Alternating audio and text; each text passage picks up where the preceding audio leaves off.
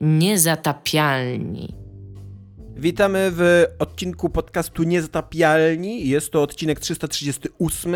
E, ja nazywam się DJ Tomek i będę tutaj waszym prowadzącym. E, jestem również znany w internetach jako DJ Pusta Sala, ponieważ uwielbiam DJ-ować do pustej sali, bo wtedy nie spotyka mnie żadna krytyka. Jest ze mną również Iga Ewa Smoleńska, zwana DJ Iga Ewa Smoleńska. Iga Ewa Smoleńska, zrób hałas.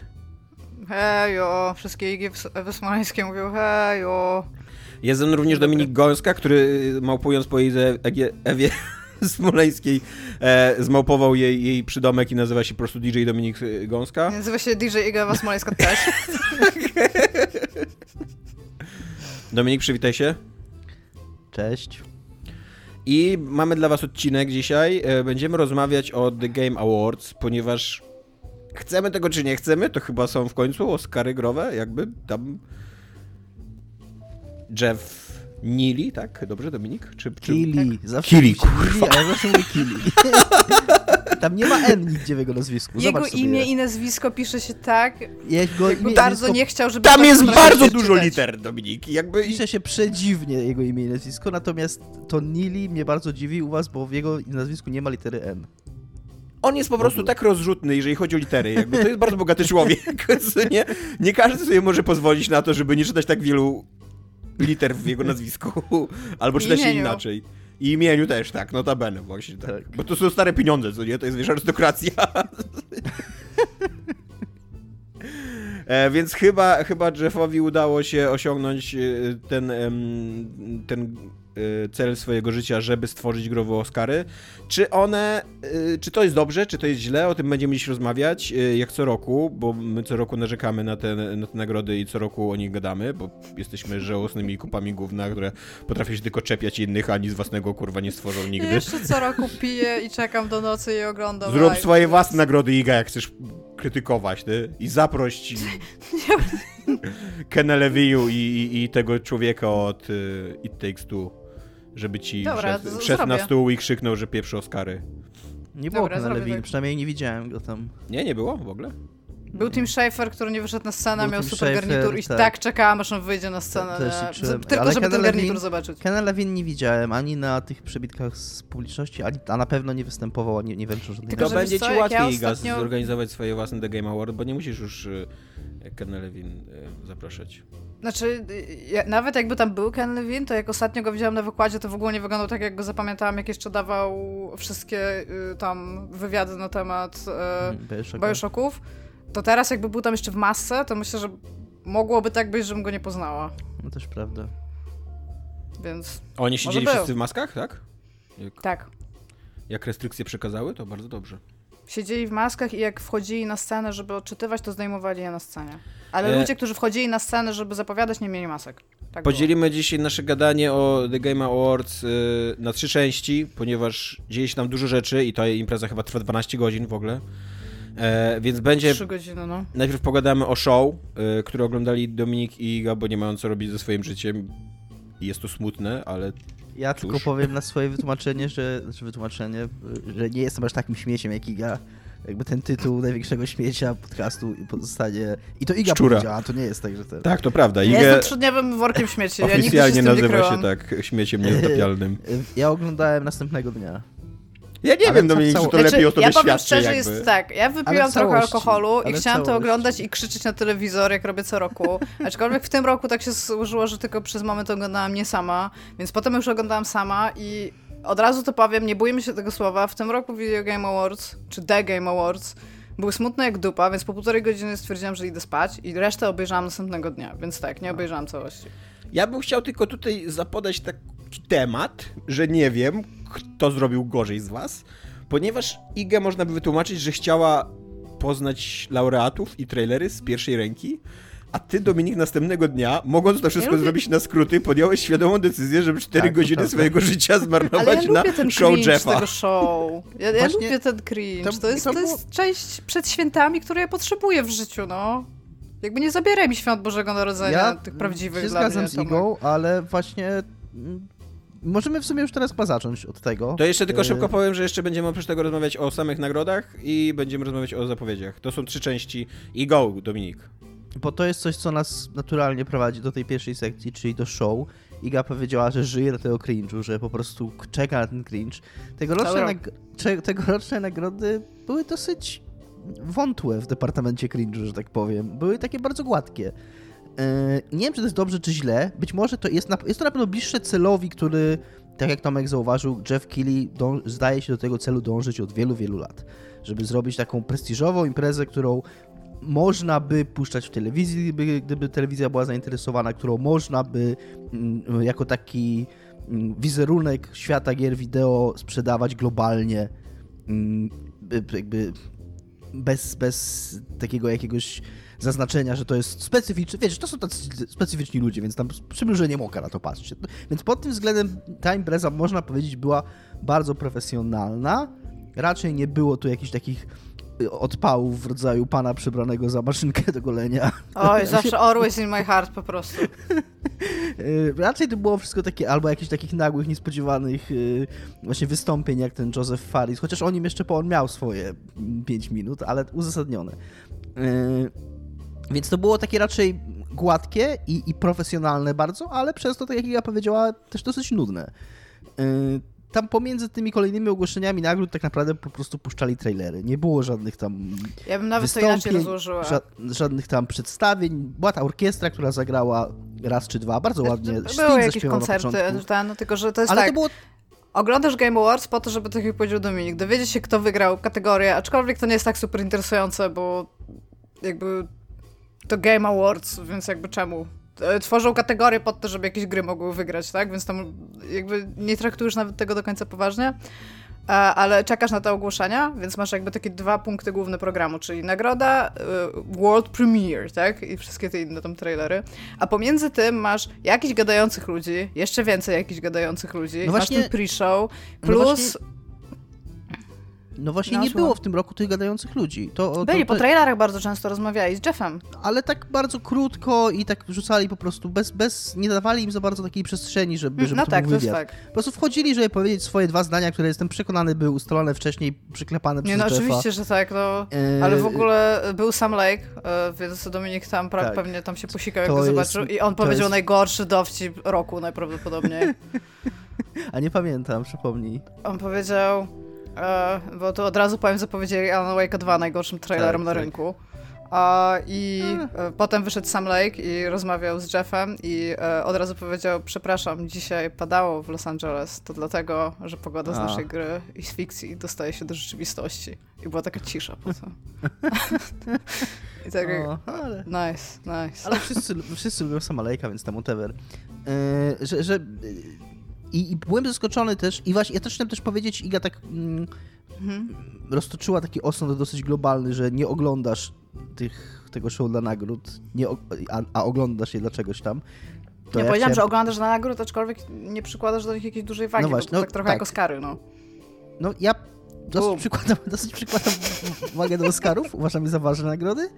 E, I e, uważam, że te Game Awards, jakby abstrahując od e, ich rodowodu, to są dosyć ważnym wydarzeniem, chyba już tak powszechnie uznawanym za dość ważne, więc trochę mnie to obchodzi. Nie, nie żebym tam jakoś super, ale też nie jest tak, że, że tam, wiesz, skreślam to.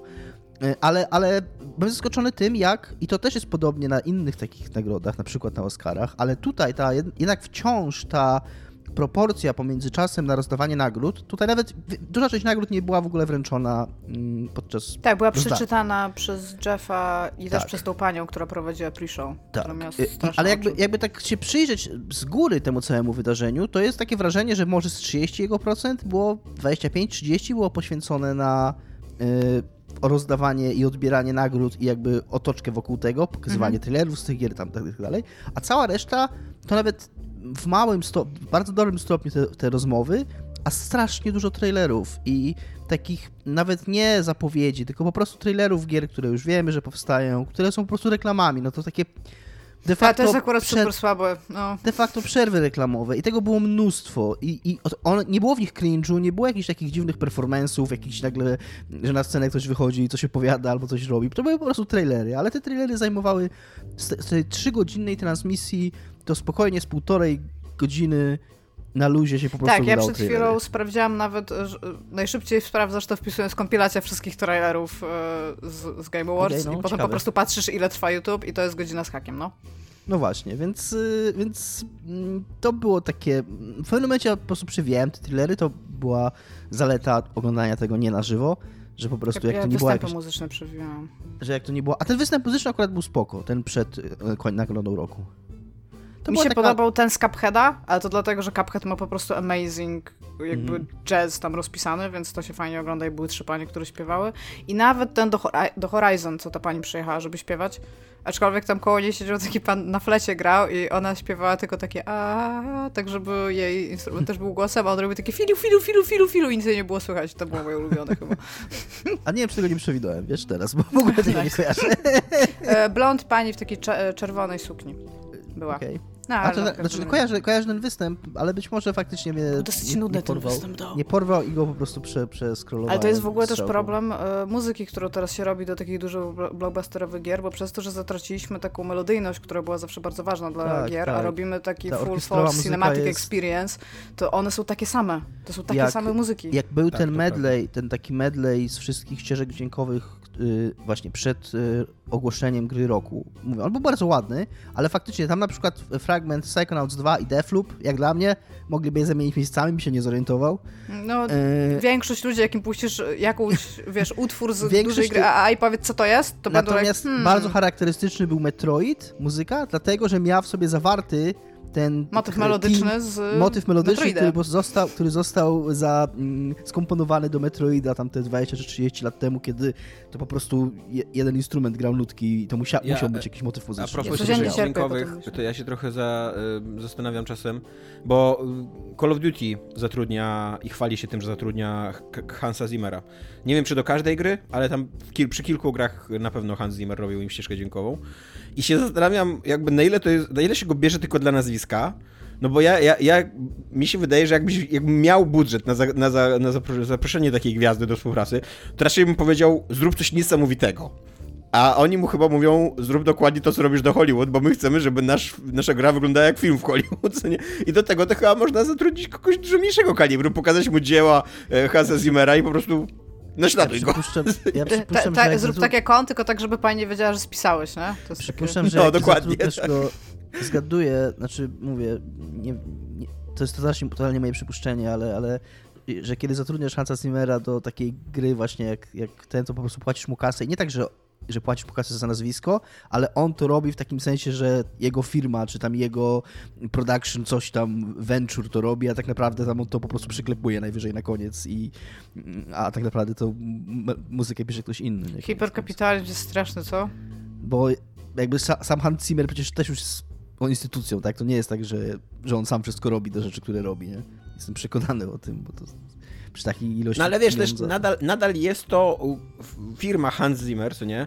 Jest to firma, która ma, zatrudnia dużo utalentowanych ludzi, jeżeli, albo, albo mało utalentowanych ludzi, ale zatrudnia utalentowanych ludzi, bo te ścieżki dźwiękowe Zimmera są dobre. I na przykład jest sobie taki Nolan, który też współpracuje z Zimmerem, ale udaje mu się na przykład powiedzieć no mu, tak, słuchaj, ten, ten Interstellar to będzie trochę inny film niż moje pozostałe, zrób taką ścieżkę dźwiękową, żeby każdy wiedział, że, to, że Interstellar to jest Interstellar, nie? I autentycznie, jak, jak ci leci ścieżka dźwiękowa z Interstellara, to nie myślę sobie, e, to z filmu Michaela Bay'a, co nie coś. Um, tylko, tylko się wyróżnia. A jak sobie czasem puszczałem kiedyś te, te ścieżki dźwiękowe z Call of Duty, to tak totalnie nie miałem pojęcia. Skąd one mogą pochodzić? Poza tym, że być wiedziałem, może, skąd pochodzą, co nie? Być może to jest... Y, często się mówi o tym y, i, i jest sobie wiele dowodów w Hollywood, ty będziesz więcej wiedział na ten temat niż ja, bo się bardziej znasz na kinie, że jak, jak często widzowie nie zdają sobie sprawy, jak wiele w mm, tym, jak aktor wypada na ekranie, zależy od reżysera. Nie, nie, nie, jest tak, że, że, tak. Da, że możesz dać utalentowanego aktora komukolwiek i on pociągnie film. Jakby nawet bez dobrego reżysera, nawet kurna osarowy aktor może, może nie podołać. Więc może tak podobnie jest tutaj z Zimmerem, tak? Bez, skoro nie ma wizji jakiejś po stronie twórców tych gier, no to on może zrobić tylko tyle, że po prostu oni mówią, tak jak ty pewnie mówią... Myślisz, że ma taki generator, tam Zimmer this, klika myślę tak, po myślę prostu... Tak. Myślę że tam naciska, naciska rób i on don! Nie, nuty po prostu się generują i idzie do orkiestry i mówi, nie wiem, to. Tak, jeszcze no, co... a powiedzcie mi, czy, czy w trakcie tego show y, standardy, żałosne i toksyczne standardy pracy w branży zostały rozwiązane? Czy jakby ten problem mamy już za sobą? Był bardzo fajny taki, w sensie jakby zdając sobie sprawę z tego, czym są Game Awards i tak jak Dominik tak. powiedział, y, jakby historycznie nie stroniły nigdy od komercyjności i tam whatnot, ale wciąż wydaje mi się to bardzo fajne, że też na takim miejscu się o tym mówi.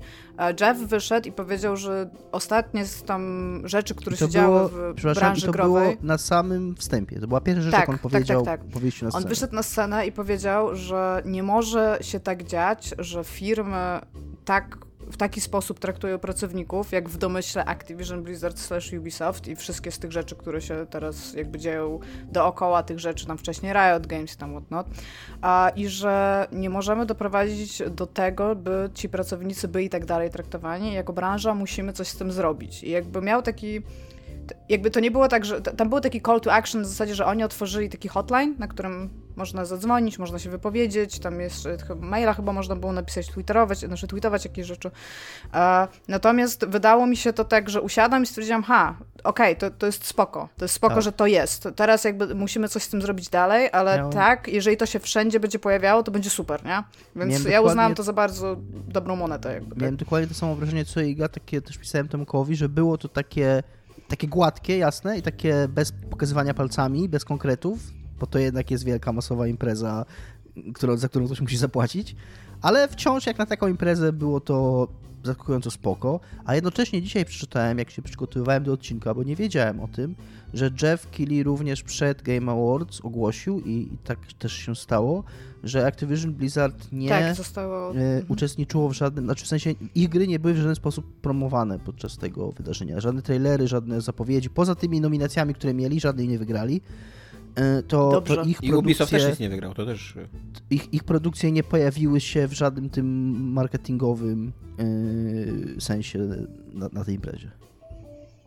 No, więc to się jakby chwali i tak, zwrócili na to uwagę, powiedzieli to na dużej scenie, na w sumie najbardziej komercyjnych i znanych nagrodach growych, a jakby, no moim zdaniem jest, ważne, żeby o tym w ogóle przez cały czas mówić, więc to jest ważne, tak, a co dalej się z tym stanie, to zobaczymy, no bo jak wiemy, a ogólnie nie jest za dobrze, teraz kolejne jakieś kary weszły, tym, tym razem za oszustwo konsumenckie w wysokości po prostu takiej, że nie miało żadnego sensu, że ta kara w ogóle została dana pieniężna. Powinni do, do więzienia wszystkich. Wszystkich. Do, za open wordy, za, za oszukiwanie klientów, za znęcanie się z pracownikami. To powinny być, kurde, grube lata więzienia. I to nie jakiegoś tam więzienia. Więzienia, kurde, na wyspie w Tajlandii jakiejś, gdzie jest dżungla i są komary przez cały, kurde, rok. I niech tam będą. To jest moja decyzja. Jestem strasznie cięta ostatnio, naprawdę. Dla, dla mnie... Ewa Smoleńska chciałem powiedzieć, podkreślić jeszcze raz jeszcze, że jest, prezentuje tylko własną opinię, nie reprezentuje opinii podcastu Niestabilni. Tak. Nie, no oczywiście, że nie do więzienia takiego, tylko jakiegoś worse jail po prostu. No mówię, ja po prostu, bo ja dosyć dużo czytałam ostatnio o Activision Blizzard i tym, co się działo w Ubisoftie i tym, co było potem dalej z tym, co się działo i po prostu jestem taka, ręce to już po prostu opadają, no. E, aczkolwiek czytałem takie głosy na Twitterze, więc y, nie wiem, czy, czy to jest w jakiś sposób reprezentatywne, czy ważne, czy nie. E, ale że ludzie podobno wyśmiewali The Game Awards za to, że zaraz po tym ogłoszeniu, o którym mówiliście, e, puszczono trailer Gwiezdnych Wojen od Quantic Dreams a Quantic Dreams też ma jakąś tak było, historię podejrzeń. Ja trochę nie rozumiem tego. Być może tak było i, i można tutaj różne rzeczy różną opinię mieć na, swój, na, na różne tematy. Natomiast Quantic Dream wygrało ten proces, no i można teraz dyskutować, czy oni jego wygrali, bo tam jest oni na jakimś tam technicality, tak, czyli na jakimś tam... Jakiś tam oni nie do końca chyba wygrali sam proces, tylko wygrali tak. z gazetą proces o tak, tak, tak. opublikowanie w sensie, materiałów. I tam były, jakieś, tam były jakieś proceduralne tak. yy, nieścisłości, czy coś takiego i oni dzięki temu wygrali, ale wciąż nie jakby porównywanie ich na przykład do Activision Blizzard, które ma poważne oskarżenia postawione w sądzie, wo, przeciwko któremu toczy się proces, a Quantic Dream, Ci które... ludzie popełniali samobójstwa.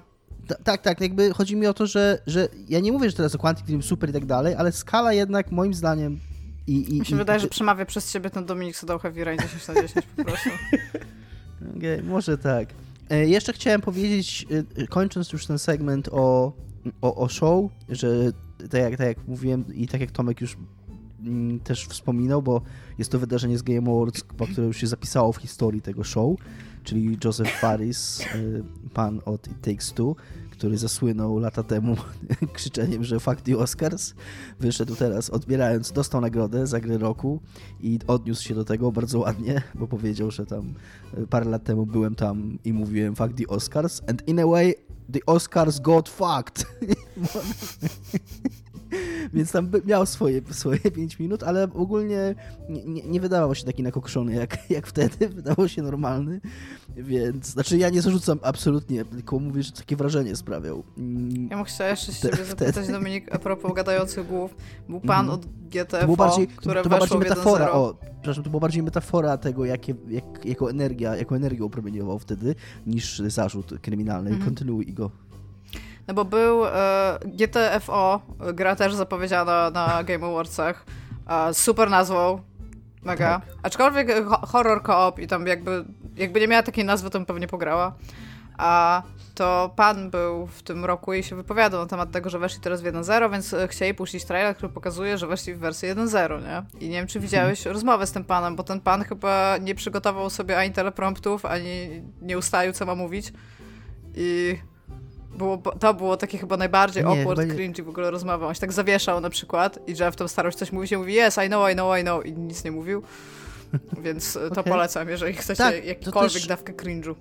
Być może jednak, no, ja, to też nie jest tak, że ja to włączyłem i przez te trzy godziny siedziałem po prostu z oczami wgapionymi w ekran i, i śledziłem każdą, mm -hmm. każdą minutę tego, robiłem sobie inne rzeczy, słuchałem, przełączałem się i tak dalej. A więc to mnie jakoś umknęło ale, no. ale mówię, wygrana dla, tak jakby ta przemowa mm, Josepha Farisa na koniec, dobrze mówię, to jest Joseph Faris, tak? Bo tak trochę z pamięci mówię. A, i, ale tu będziemy mówić o nagrodach tak, już potem, tak, bo tak. Y, taką, mhm. takim highlightem w ogóle tego show była dla mnie y, y, voice aktorka, która podkładała głos pod Lady Dimitrescu w Resident Evil Village.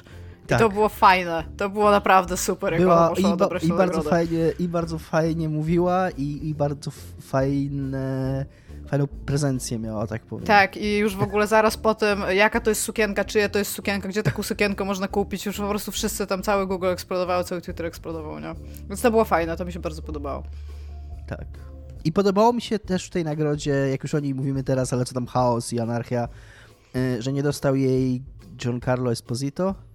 Y, tak. Który był nominowany i ktoś skomentował tak, że to brzmi trochę jak oszustwo, a ta chyba ta y, bo to Paweł Kamiński, czy ktoś rzucał jej, jej jakiś filmik i później klikałem, jak ona się nazywa, kurde, ta pani, co tam teraz Santa Monica jest, a kiedyś była w IGN-ie. No w każdym razie ona coś takiego powiedziała, że nominowanie e, e, Esposito to brzmi jak trochę jako oszustwo. E, I tak, i fajnie, że on nie wygrał. Znaczy no, ta, ta, nie pamiętam kurde imienia nazwiska tej pani, ale ta pani w roli Lady Dimitrescu zrobiła naprawdę genialną kreację. Maggie Robertson. Tej... O właśnie, więc w ogóle jakby jak dla mnie on, to było naprawdę prize worthy, a to, że ona wyszła i jeszcze w ogóle rozpromieniła całą scenę i ja jestem pewna, że naprawdę ludzie się ożywili, jak ona tam wyszła po to, to, to, to jest w ogóle już tam w ogóle super. Tak, Więc tak, tak bo... bardzo, pro, bardzo propsuję. Tak. Ja mam... I y... bardzo...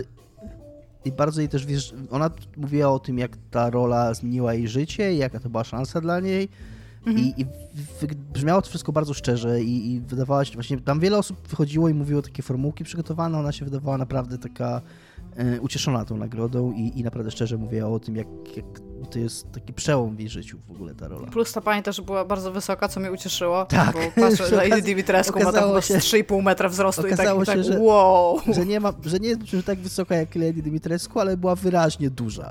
tak, tak, bo jeszcze wysoka, na samym początku nie widzisz, jak oni idą po te nagrody, tak, tak. więc nie, a wszyscy dookoła nich siedzą, więc nie widzisz, czy ona jest super wysoka. I ona poszła odebrać tę nagrodę i tak była no z półtorej albo dwie głowy wyższa i tak się tam od ludzi, którzy dają nagrody jest coś jak okej. Okay. Respekt. Tak, tak. No właśnie, mnie trochę ciekawi, na ile ta nagroda była de facto za występ, który Lady Dimitrescu ma dużo mniejszy niż się chyba wszystkim wydawało w Resident Evil, e, a ile za memiczność jakby tego występu. Chociaż być może memiczność y, występuje z częścią pracy aktora znaczy, w grach wideo i to jest też jej sukces jakby. Wiesz co, bo ja tak, tak jak teraz o tym powiedziałeś, to, to rzeczywiście jakby Lady Dimitrescu nie ma oczywiście przez spoilers, nie ma jej przez całą grę, ale ona jest w jakby najbardziej rozbudowanej części tej gry i jest chyba najbardziej charakterystyczną postacią i też cały marketing był jakby postawiony na nią, więc ta prezencja jest troszeczkę większa niż to niż ma w samej grze. Tak, tak, tak mi się wydaje przynajmniej. Plus, no mówię, jakby to jest taka naj... To jest ta najbardziej Resident Evil lokacja w Resident Evil, tak? Więc jakby... To... Plus ona też ma tą rolę Nemezisa, więc to jest takie... Trudno powiedzieć. Oso polecam moda, gdzie Lady Dimitrescu za każdym razem, kiedy się na nią patrzysz, to jej kapelusz jest o 5% większy. tak. Fenomenalny jest ten mod. Już nawet nie mówię o tym z packą, bo to of course nie, ale ten mod z kapeluszem to jest po prostu jakiś wow. E, no dobra, to kategorię show mamy już chyba ze sobą. Ja tylko jeszcze chciałem, bo jeszcze nie. Nie ma, to, nie ma to zupełnie żadnego znaczenia, ale żeby już y, wszystkie y, y, podomykać te otwarte wątki, żeby nam nie zarzucali, że, że zostawiamy cliffhangery, to ta pani, którą cytowałem, to była, to jest Alana Pierce. O, o dobra. Jak teraz powiedziałeś nazwisko, to tak, to wiem, wiem kogo chodzi. Dobra. E, pytacie się mnie, co jest grane, więc ja wam powiem, co jest grane u mnie. Co jest grane, Tomaszu? E, I u mnie są dwie, dwie wielkie rzeczy są grane i, i obu chcę wspomnieć, więc y, będzie długo ode mnie. E, ale Iga nie ma dzisiaj co jest grane, więc po prostu trzeba wypełnić tę pustkę po Idze. Tak. E, a Dominik też będzie miał długo, bo się wzniecił jakimś filmem wczorajszym. Tak. Więc świeże nie emocje. Wiem, zobaczymy, tak, no. E, tak, ja skończyłem Mad Men w końcu jako serial, 7 sezonów, y, kawał mojego życia, mojego Iwony, to kilka miesięcy ostrego oglądania. E, rytuał się wytworzył. To jest w ogóle najlepsze w oglądaniu takich długich seriali, że, że powstaje taki rytuał, że autentycznie dzień w dzień przez właśnie kilka miesięcy masz takie sw swoje miejsce w popkulturze, do którego się udajesz i swoich bohaterów, których śledzisz i tak dalej, więc ogólnie byłem mega, mega wciągnięty. Y, bardzo się bałem w pewnym momencie o los y, bohaterów, bo, y, bo w pewnym momencie byłem przekonany, że stanie mi się wielka krzywda e, i, i autentycznie przeżywałem i tak dalej i uważam, że to jest autentycznie, kurde, super rewelacyjny serial. Naprawdę bardzo polecam, jeżeli byście chcieli zobaczyć, no takiego totalnego klasyka, jeden z najlepszych seriali w historii zrealizowany i na tych wszystkich listach zawsze się pojawiający, jak tam top 10 najlepszych seriali ever, e, to ja go bardzo polecam. Ja muszę przyznać szczerze, że um, z jednej strony go nieuczciwie oceniałem do tej pory, a z drugiej strony go uczciwie oceniałem, bo ja go nieuczciwie y, oceniałem dlatego, że, y, że mi się wydawało, że on może nie gloryfikuje Dona Drapera, ale w jakiś sposób przedstawia Dona Drapera jako pociągającą postać. E, jako takiego właśnie, takiego mężczyznę, samca, który jakby taki, taki przebrzmiały ideał męskości, którego już dzisiaj nie ma, kiedyś tu byli mężczyźni i tak dalej. I wydaje mi się, że z jednej strony nie, niesłusznie, bo, yy, bo to jest serial, który pokazuje Dona Drapera jako strasznego sukinsyna. Tak tak na maksa, co nie? Tak, to jest serial, którego w ogóle tych mężczyzn, którzy tam y, pracują w tych agencjach reklamowych, on w ogóle ich nie tłumaczy, w ogóle w żaden sposób ich nie upiększa. On pokazuje w ogóle w samym centrum tego, tego serialu, jego problematyki jest seksizm e, lat 60., bo ten, ten serial cały się rozgrywa w latach 60., całą epokę, dokładnie, od, od 60 do 70 roku jakby chwyta. E, i, I ten seksizm, to, to że całe, że, że wiele z tego, co oni robili, było oparte na seksizmie, że cały ich e, styl życia był oparty na seksizmie, że, mm, że ta taka męska dominacja kulturowa i robocza, służbowa i tak dalej, to było coś, co oni przyjmowali za mm, granted, nie wiem jak to powiedzieć po polsku. Dane. Za dane im i jakby w ogóle tego nie, nie, nie podważali, w ogóle mm, jakby w ogóle nie dostrzegali, że coś jest nie tak, nie w porządku z tym, z tym systemem. E, jednocześnie on ma bardzo silne postaci kobiece, które w tym takim... Mm, bardzo opresyjnym środowisku działają i jakoś próbują się realizować, próbują coś osiągnąć i tak dalej. I też jest super to, że, e, że taka najbardziej, wydawałoby się najbardziej stereotypowa z wyglądu postać, czyli Joanne, e, grana przez January Jones, która ma taki spektakularnie duży biust. I, I że ona jest stosunkowo najciekawszą postacią w ogóle w tym serialu, bo e, to jest taka postać którą na początku widzisz i bardzo źle ją, bardzo ją tak płytko postrzegasz, tak jak ci mężczyźni, e, a później ona de facto nie przychodzi żadnej przemiany, jakby, tylko dowiadujesz się więcej rzeczy, więcej kontekstu o jej życiu i ona jest mega zniuansowaną, mega fajną postacią, zajebiście zagraną e, i, i, i, i, tak. I z jednej strony właśnie ja miałem, ja się myliłem, bo ten film, ten serial wcale nie gloryfikuje e, tych Donów Draperów, ale z drugiej strony moja żona była zakochana w Donie Draperze, więc może się wcale nie myliłem. Myślałem, że powiesz coś w, w, ogóle, myślałem, że powiesz coś w rodzaju z jednej strony się myliłem i wymienisz te powody, a z drugiej strony się nie myliłem, bo kurwa jestem krytykiem i będę bronił swojego zdania końca nie, życia, jakie raz powiedziałem. Nie, no jakby moje, moje powody, dla których ja nie oglądałem tego serialu były, były błędne. To jest, to jest serial, który po pierwsze w bardzo fajny, yy, nie, niezbyt subtelny, bo to jednak są ludzie, którzy pracują w agencji reklamowej i yy, mówią jakby wprost o reklamie, więc on, to nie jest subtelne, co on mówi, ale on, on super mówi o latach 60. i o tym takim złotym czasie amerykańskiego kapitalizmu, który jednocześnie się kończy w tych latach 60., bo przychodzi rewolucja obyczajowa, tam zabójstwo Kennedy'ego jest, zabójstwo Luthera Kinga, zabójstwo drugiego Kennedy'ego, zamieszki w miastach amerykańskich, napięcia właśnie mm, e, na tle rasowym i tak dalej, i tak dalej. Jakby końca, koniec tego takiego właśnie złotego amerykańskiego kapitalizmu, który się zaczął mniej więcej w trakcie wojny, a, a, a kończy się właśnie jakoś tak w latach 60. I, ale a, i z jednej strony on jest o tym, a z drugiej strony on jest strasznie o tym, jak toksyczny jest patriarchat i jak patriarchat nie tylko krzywdzi te grupy, które świadomie krzywdzi, czyli te jakieś mniejszości, kobiety i tak dalej, i tak dalej, ale też krzywdzi mężczyzn, co nie? Jak, jak, jak ci wszyscy bohaterowie yy, Madmena uwięzieni właśnie w, takim, w takich toksycznych rolach facetów i przekonani, że tak się powinno żyć i że tak, tak tak wygląda męskość i jak, jak oni mają beznadziejne życie, jak oni są nieszczęśliwi, jak yy, nie potrafią sobie radzić z podstawowymi problemami takimi rodzinnymi, emocjonalnymi, społecznymi i tak dalej, jak przez całe życie muszą walczyć i udowadniać sobie różne rzeczy, bo, bo są przecież samcami, są męscy i tam ich ambicja to jest w ogóle ich tam czynnik numer jeden, który ich prowadzi przez życie, e, jak poświęcają swoich bliskich, żeby osiągnąć swoje własne cele. E, i no, naprawdę, i ten serial jest bardzo bezwzględny wobec Donald Drapera, on w ogóle go pokazuje bez bez, bez żadnego takiego retuszu. To jest, to jest pijak i sukinsyn i fakt, że on jest przy okazji genialnym reklamiarzem i jest genialny... Sounds dreamy. Czy...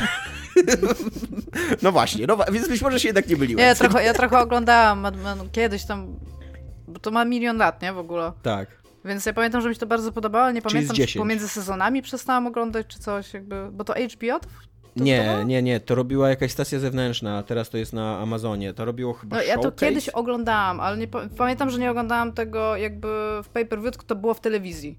I ja pamiętam, że siedziałam i oglądałam, więc jakby tak, i jakby ja rozumiem o co ci chodzi, chciałam tutaj tylko e, Nie, Lionsgate to robiło. Lionsgate to robiło, a, robi, a, a, a showrunnerem jest tam Matthew Weiner. E, więc, więc tak, więc bardzo polecam ten serial. Autentycznie 7 odcinków. On, on też jeszcze w ogóle bardzo fajnie gra e, z takimi bardzo amerykańskimi tropami, bo właśnie z jednej strony to jest taki, taki wielka panorama amerykańskiego społeczeństwa przez 10 lat portretowanego i, i ta Ameryka tam jest bardzo ważna i to jest bardzo konkretny moment z historii, w którym się wydarzyły absolutnie kluczowe rzeczy dla współczesnej Ameryki i tego, jak my ją postrzegamy i tak dalej. E, on bardzo wiele mówi o konsumpcjonizmie i jak jak, jak jest napędzany konsumpcjonizm, jak jest sterowane są nasze emocje, e, jak działa w ogóle cały ten taki kompleks, nie wiem, rozrywkowo-sprzedażowy, co nie? E, I też właśnie jak płytki jest, jak, jak żeruje na marzeniach, ale to, co mnie super też zrobiło w tym serialu, że on jest bardzo amerykański pod tym względem, że on bierze taki mit amerykańskiego self-made mana, E, i go roz, ro, rozwala trochę na czynniki pierwsze, bo e, mm, tutaj nie jest to wielki spoiler, bo to jest tam w trzecim czy czwartym odcinku pierwszego, pierwszego sezonu, więc tam bez przesady. E, Don Draper nie jest Don Draperem, jakby to nie jest jego prawdziwa tożsamość. I to właśnie, że to jest człowiek, który sam siebie tworzy tak ze zgliszczy, co nie? tak totalnie odcina siebie od swojego starego życia i, i wymyśla siebie na nowo i, i wymyśla właśnie siebie jako taką postać męską, człowieka sukcesu, bogatego, e, ale jednocześnie takiego cały czas ciągle walczącego, co nie? Takiego, który nie może dopuścić do siebie innych, bo, bo wszędzie widzi zagrożenie, co nie? No to to, to, to, to mnie super zrobiło, naprawdę to jest to jest bardzo dobrze zrobione, bardzo świetnie, bardzo dobrze jest zagrane. E, wszyscy aktorzy tam są w ogóle genialni, moim zdaniem, w, w tym serialu. Jakbyście mieli czas, miejsce w sercu i życiu. Tak, tak. No totalnie. No to jest tak, jak oglądałem za, za mm, pierwszej fali e, Better Call Saul. No to, to też wtedy to poświęciłem Co? kilka Nie miesięcy na to w tajemnicy. tym? Więc ten projekt nie był przeprowadzony w tajemnicy, ale, ale tak, no ze trzy miesiące myślę, że spokojnie oglądaliśmy, jak nie dłużej. Chyba, chyba To było dłużej. super, ten reveal, jak to, jak powiedziałeś, że skończyłeś i oglądałeś, jak Dominik w ogóle się ucieszył, to było, o. Najpierw się poczuł zdradzony, dopiero później się ucieszył. Ale on się tak poczuł zdradzony, a ja już się śmiał, znaczy już się tak uśmiechał bardzo, nie, więc No. to... I to jest też taki, y, w ogóle ostatnio, po tym jak Lolitę czytałem i ym, ym, i teraz jeszcze Fight, Cl- Fight Club sobie przypominałem jako, jako powieść i jako film też. E, I z Mad Menem też taki jest trochę, że, że to, są, to są bardzo mądre dzieła kultury, które są, mówią o bardzo mądrych rzeczach i mają bardzo krytyczne uwagi na temat swoich bohaterów, tematów, które poruszają i tak dalej, ale mają taki problem, że, że estetyka przyćmiewa to, co mają do powiedzenia, że one są tak dobrze zrealizowane i tak są ładne. Mad Men na przykład jest przepiękny wizualnie, to jak oni się tam ubierają wszyscy, jak to jest fotografowane, jak są kolory nasycone, no to jest, to, to, tam kadr, każdy kadr to jest pocztówka taka z lat 60., co nie? Że patrzcie, jak, patrzcie, jacy oni byli piękni, jak było pięknie i tak dalej. I to też jest, podejrzewam, że to też jest y, celowy zabieg właśnie, żeby tak pokazać tą nostalgię, to jak my sobie wyobrażamy te lata e, 60., jakie one były piękne i tak dalej, i zderzyć to z tym, co oni robią, co tam się dzieje w tym serialu, do jakich zagrań dochodzi, jak, jak wyglądają relacje między nimi i tak dalej. I dokładnie tak samo ma, e, ten sam problem ma mm, Fight Club, który jest opowieścią de facto o tym, jak e, taka właśnie toksycznie pojmowana męskość prowadzi do faszyzmu, a toksyczni faceci dzisiaj oglądają Fight Club myślą, ale super ten Tyler Darden w ogóle, nie? Zapominając, że on na końcu literalnie doprowadza do ruiny cywilizacji. e, a i, i dokładnie ten sam problem ma Lolita, który, który, który jest opowieścią o gwałcicielu, a, a jest tak dobrze napisaną książką, że można to przeoczyć, można o tym zapomnieć, nie? E, a drugą rzecz, drugiego takiego lewiatana, którego chciałbym też polecić bardzo, e, jest seria komiksowa Blame, e, autorstwa, i teraz tutaj Tomek skup się, autorstwa pana, który się nazywa, no i już oczywiście, że zgubiłem tą kartę. Ja. Przepraszamy za to. Na, na, na, na, na, muzyka. Tak, pan się trakcie nazywa Tsuto... Już ci... E, Pan się nazywa e, Tsutomu, Tsutomu Nihei. Mam nadzieję, że dobrze to czytam. Jakby nie ma tam żadnych dziwnych znaków w tym imieniu i nazwisku, więc, e, więc Tsutomu Nihei. Mam Czy nadzieję, że tak litery, też... których nie ma tam w nazwisku, a i takie przeczytałeś? Nie wiem. Jakby czytam, czytam litery, które widzę. Jak, to- jak to dobry dobrze. Polak. Chociaż, chociaż my też e, nie czytamy wielu liter. Co? Mamy szy i czy jako... Tak, dokładnie. Nie No. czytamy RZ, tylko czytamy ży. Tak. I CH jako chy, no, więc jakby... No, więc tak, więc y, ja tu zas- tutaj przeczytałem wszystkie litery. Jak jest H, to jest samo H. Nie przeczytałem C.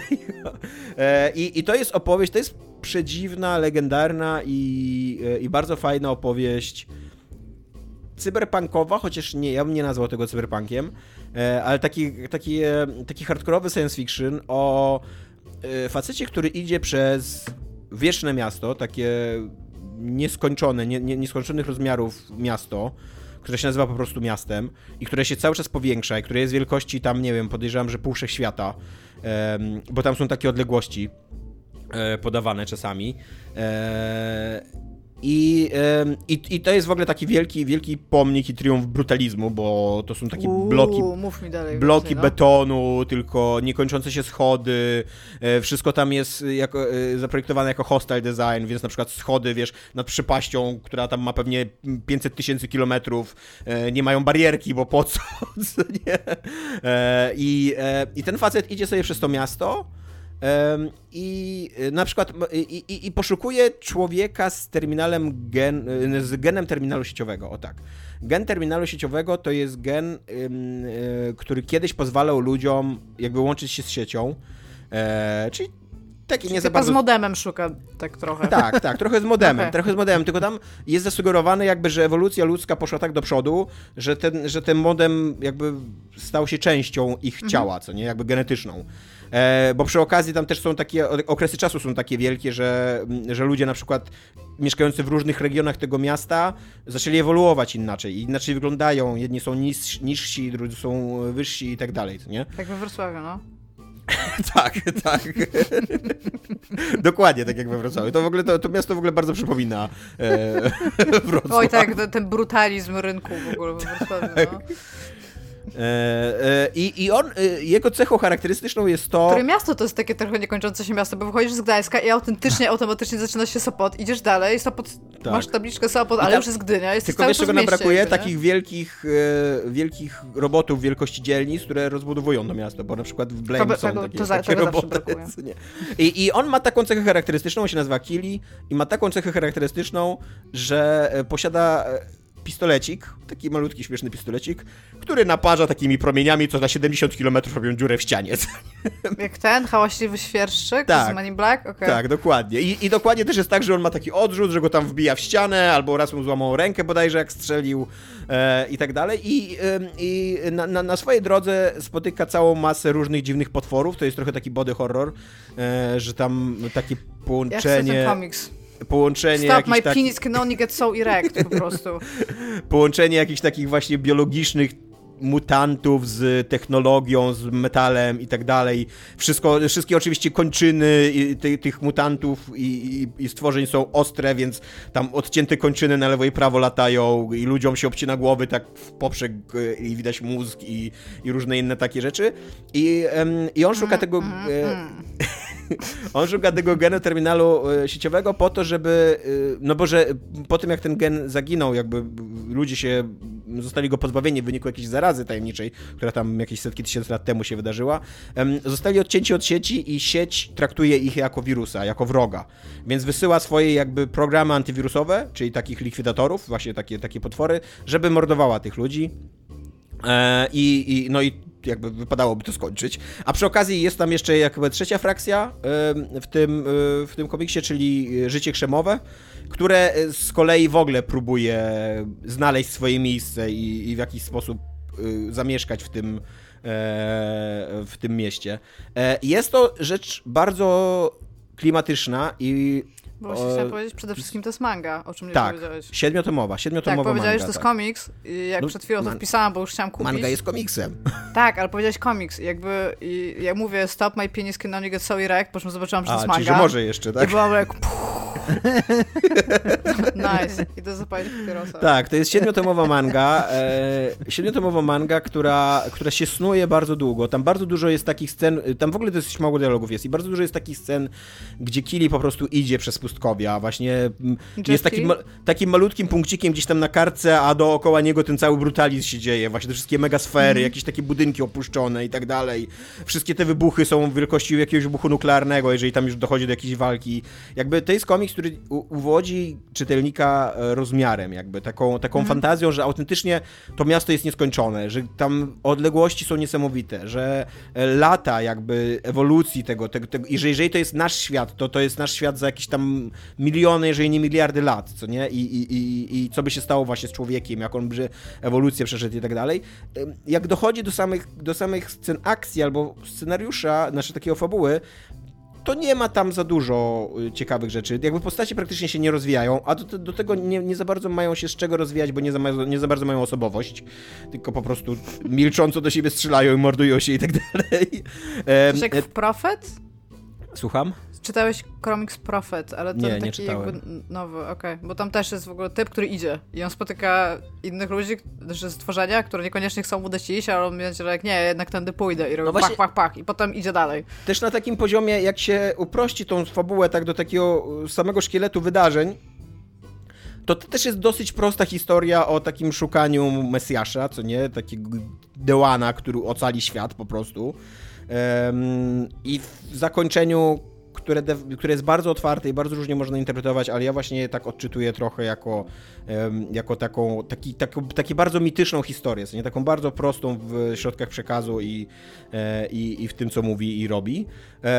I, ale, ale właśnie, ale sam ten, mm, ten taki klimat ciszy, jakiejś samotności, dziwności, e, tego, że wszystko jest wrogie dookoła ciebie, e, takiego niezrozumienia, bo tam mnóstwo rzeczy, w ogóle, w ogóle cały ten świat przedstawiony, on nie jest tłumaczony.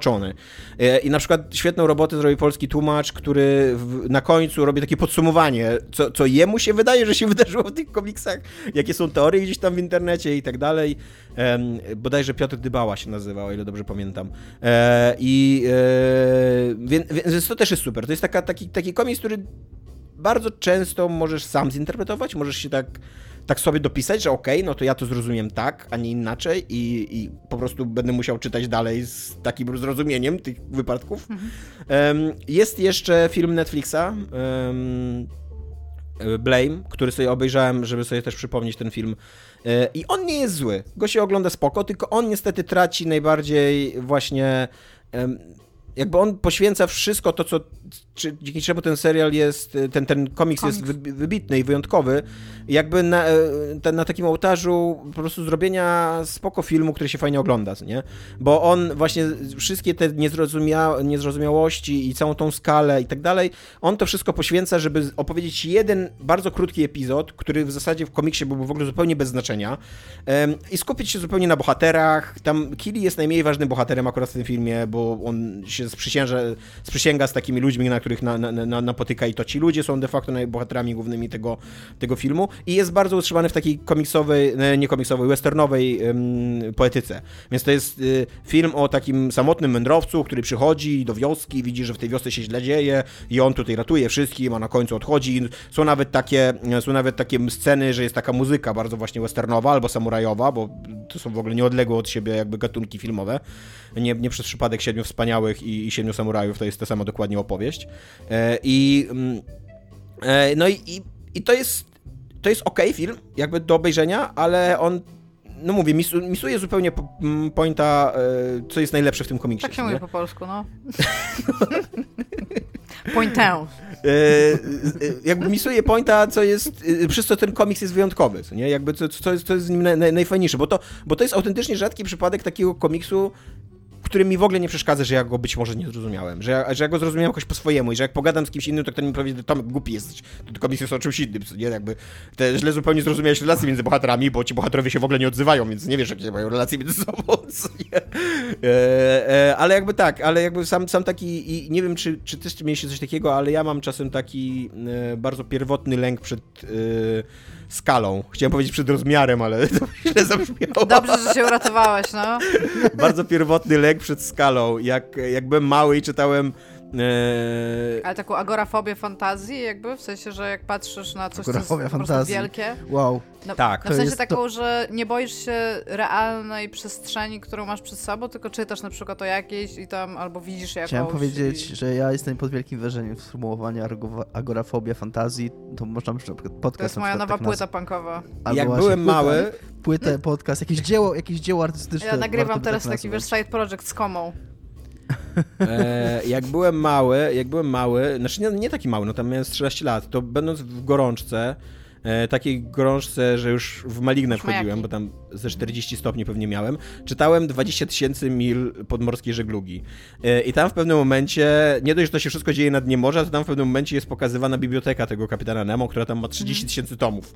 I, no i wtedy to mi się wydawała taka jakoś astronomiczna liczba. Nie? I ja autentycznie w ogóle doznałem ataku lęku, że z jednej strony są te tony wody nad tobą i ty jesteś przygniatany tym całym oceanem w takiej malutkiej puseczce, co nie? A z drugiej strony ten ogrom książek, które tam rosną wszędzie. Więc, więc w Blame to jest non-stop to się dzieje, nie? Jakby na każdym kadrze. I często w ogóle kadry są tak narysowane, żeby to jeszcze wzmóc w czytelniku. Więc Iga... Y Polecam. No, mam zamiar kupić. Tylko powiedz mi, czy, y, bo mówisz, że czytałeś po polsku, y, rozumiem, że da się to dostać w języku polskim. Tak, da się to do, do dostać w języku polskim. Y, JPF to wydał. Siedem taki... tomów to jest okej. Okay. E, tylko to są grube tomy. To są grube tomy w trochę ja powiększonym rozmiarze. Ja mam nie? problem, jeżeli coś ma powyżej 30, bo ja po prostu wiem, Ale... że this is not going to happen now. Z nie? drugiej strony y, tam, tam jest często tak mało dialogów, że autentycznie każdy ten tom to są takie dwie godziny czytania góra, nie? No ja wiem, wiem no, manga często tak się czyta, że te strony jednak przerzucasz, nie? No. Więc ja. E, no, więc, w do innych to... dzieł, w których stron w których musisz się skupić przynajmniej na moment na stronie, żeby nie mieć tylko tego nie, pierwszego wrażenia. Nie, bardziej mi chodziło o to, że mm. nieważne, dobra. Mm. Nie, nie, nie wylądowało, to nie wylądowało, no, zaraz nie drążmy tematu. E, no, trochę się nagadałem, więc teraz oddam głos Idze.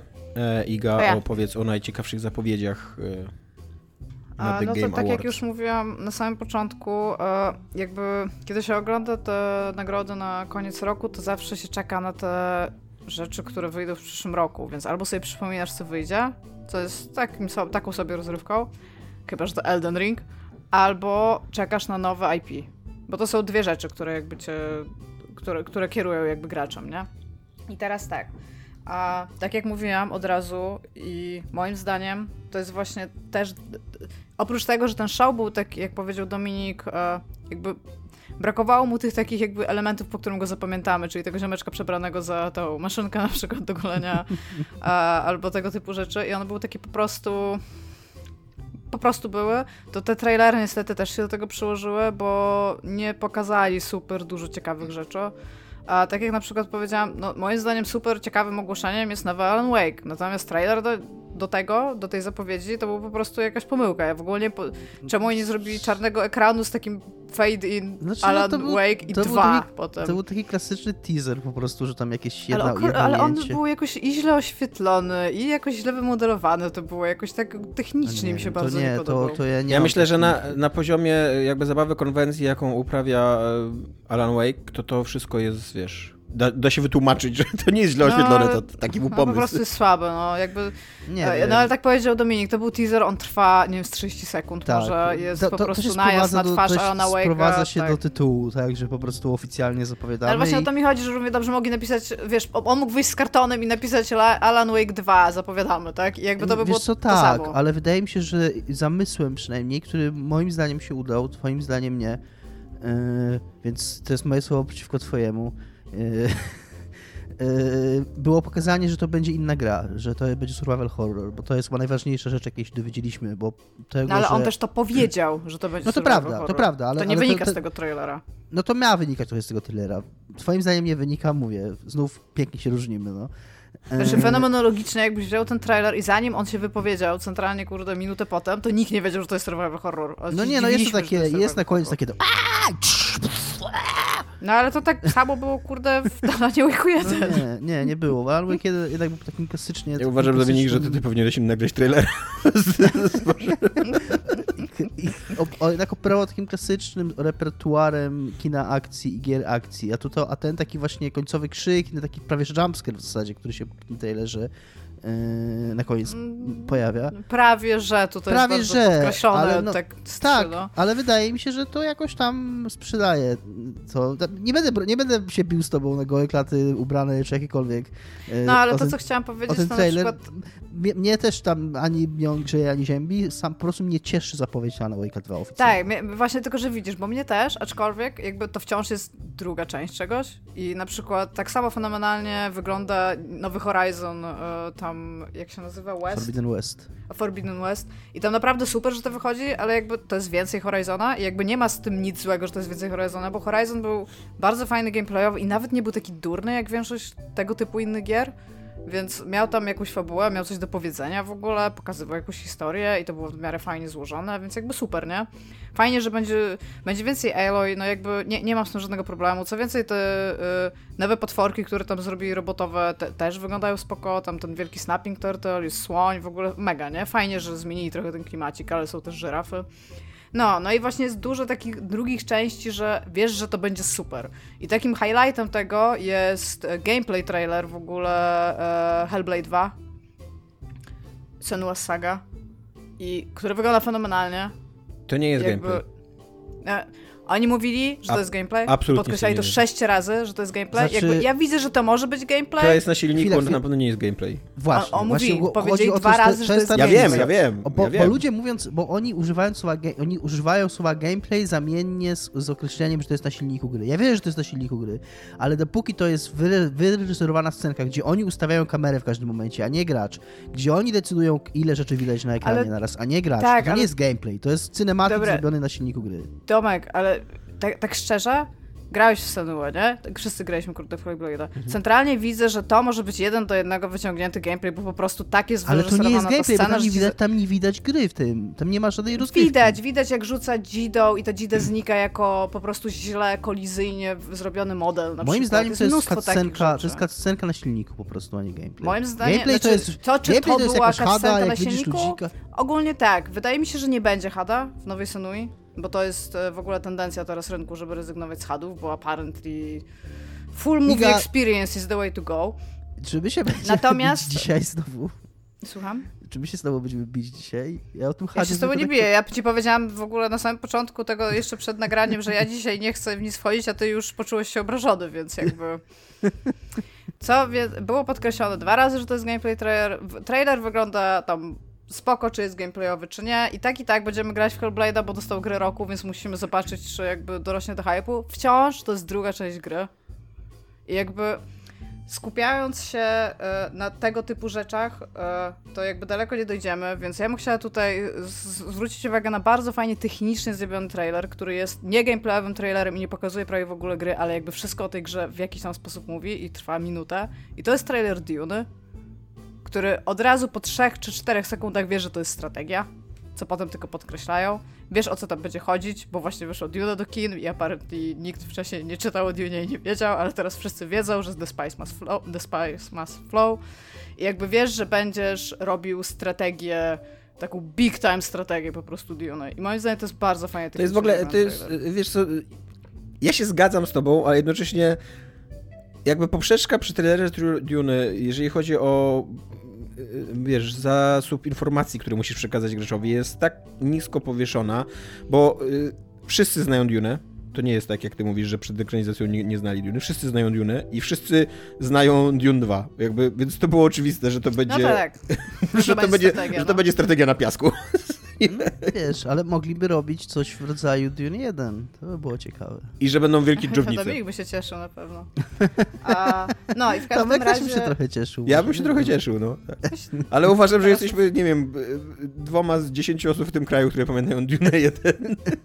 Dobra, i jeżeli chodzi o w ogóle takie zapowiedzi czegoś, czegoś takiego zupełnie nowego, co, co w ogóle teraz wyszło, to jest coś, co mi się super podobało na trailerze, dopóki nie zdałam sobie sprawy, jaka firma to robi i trochę przestałam mi wierzyć. Jest coś takiego, co się nazywa Steel Rising.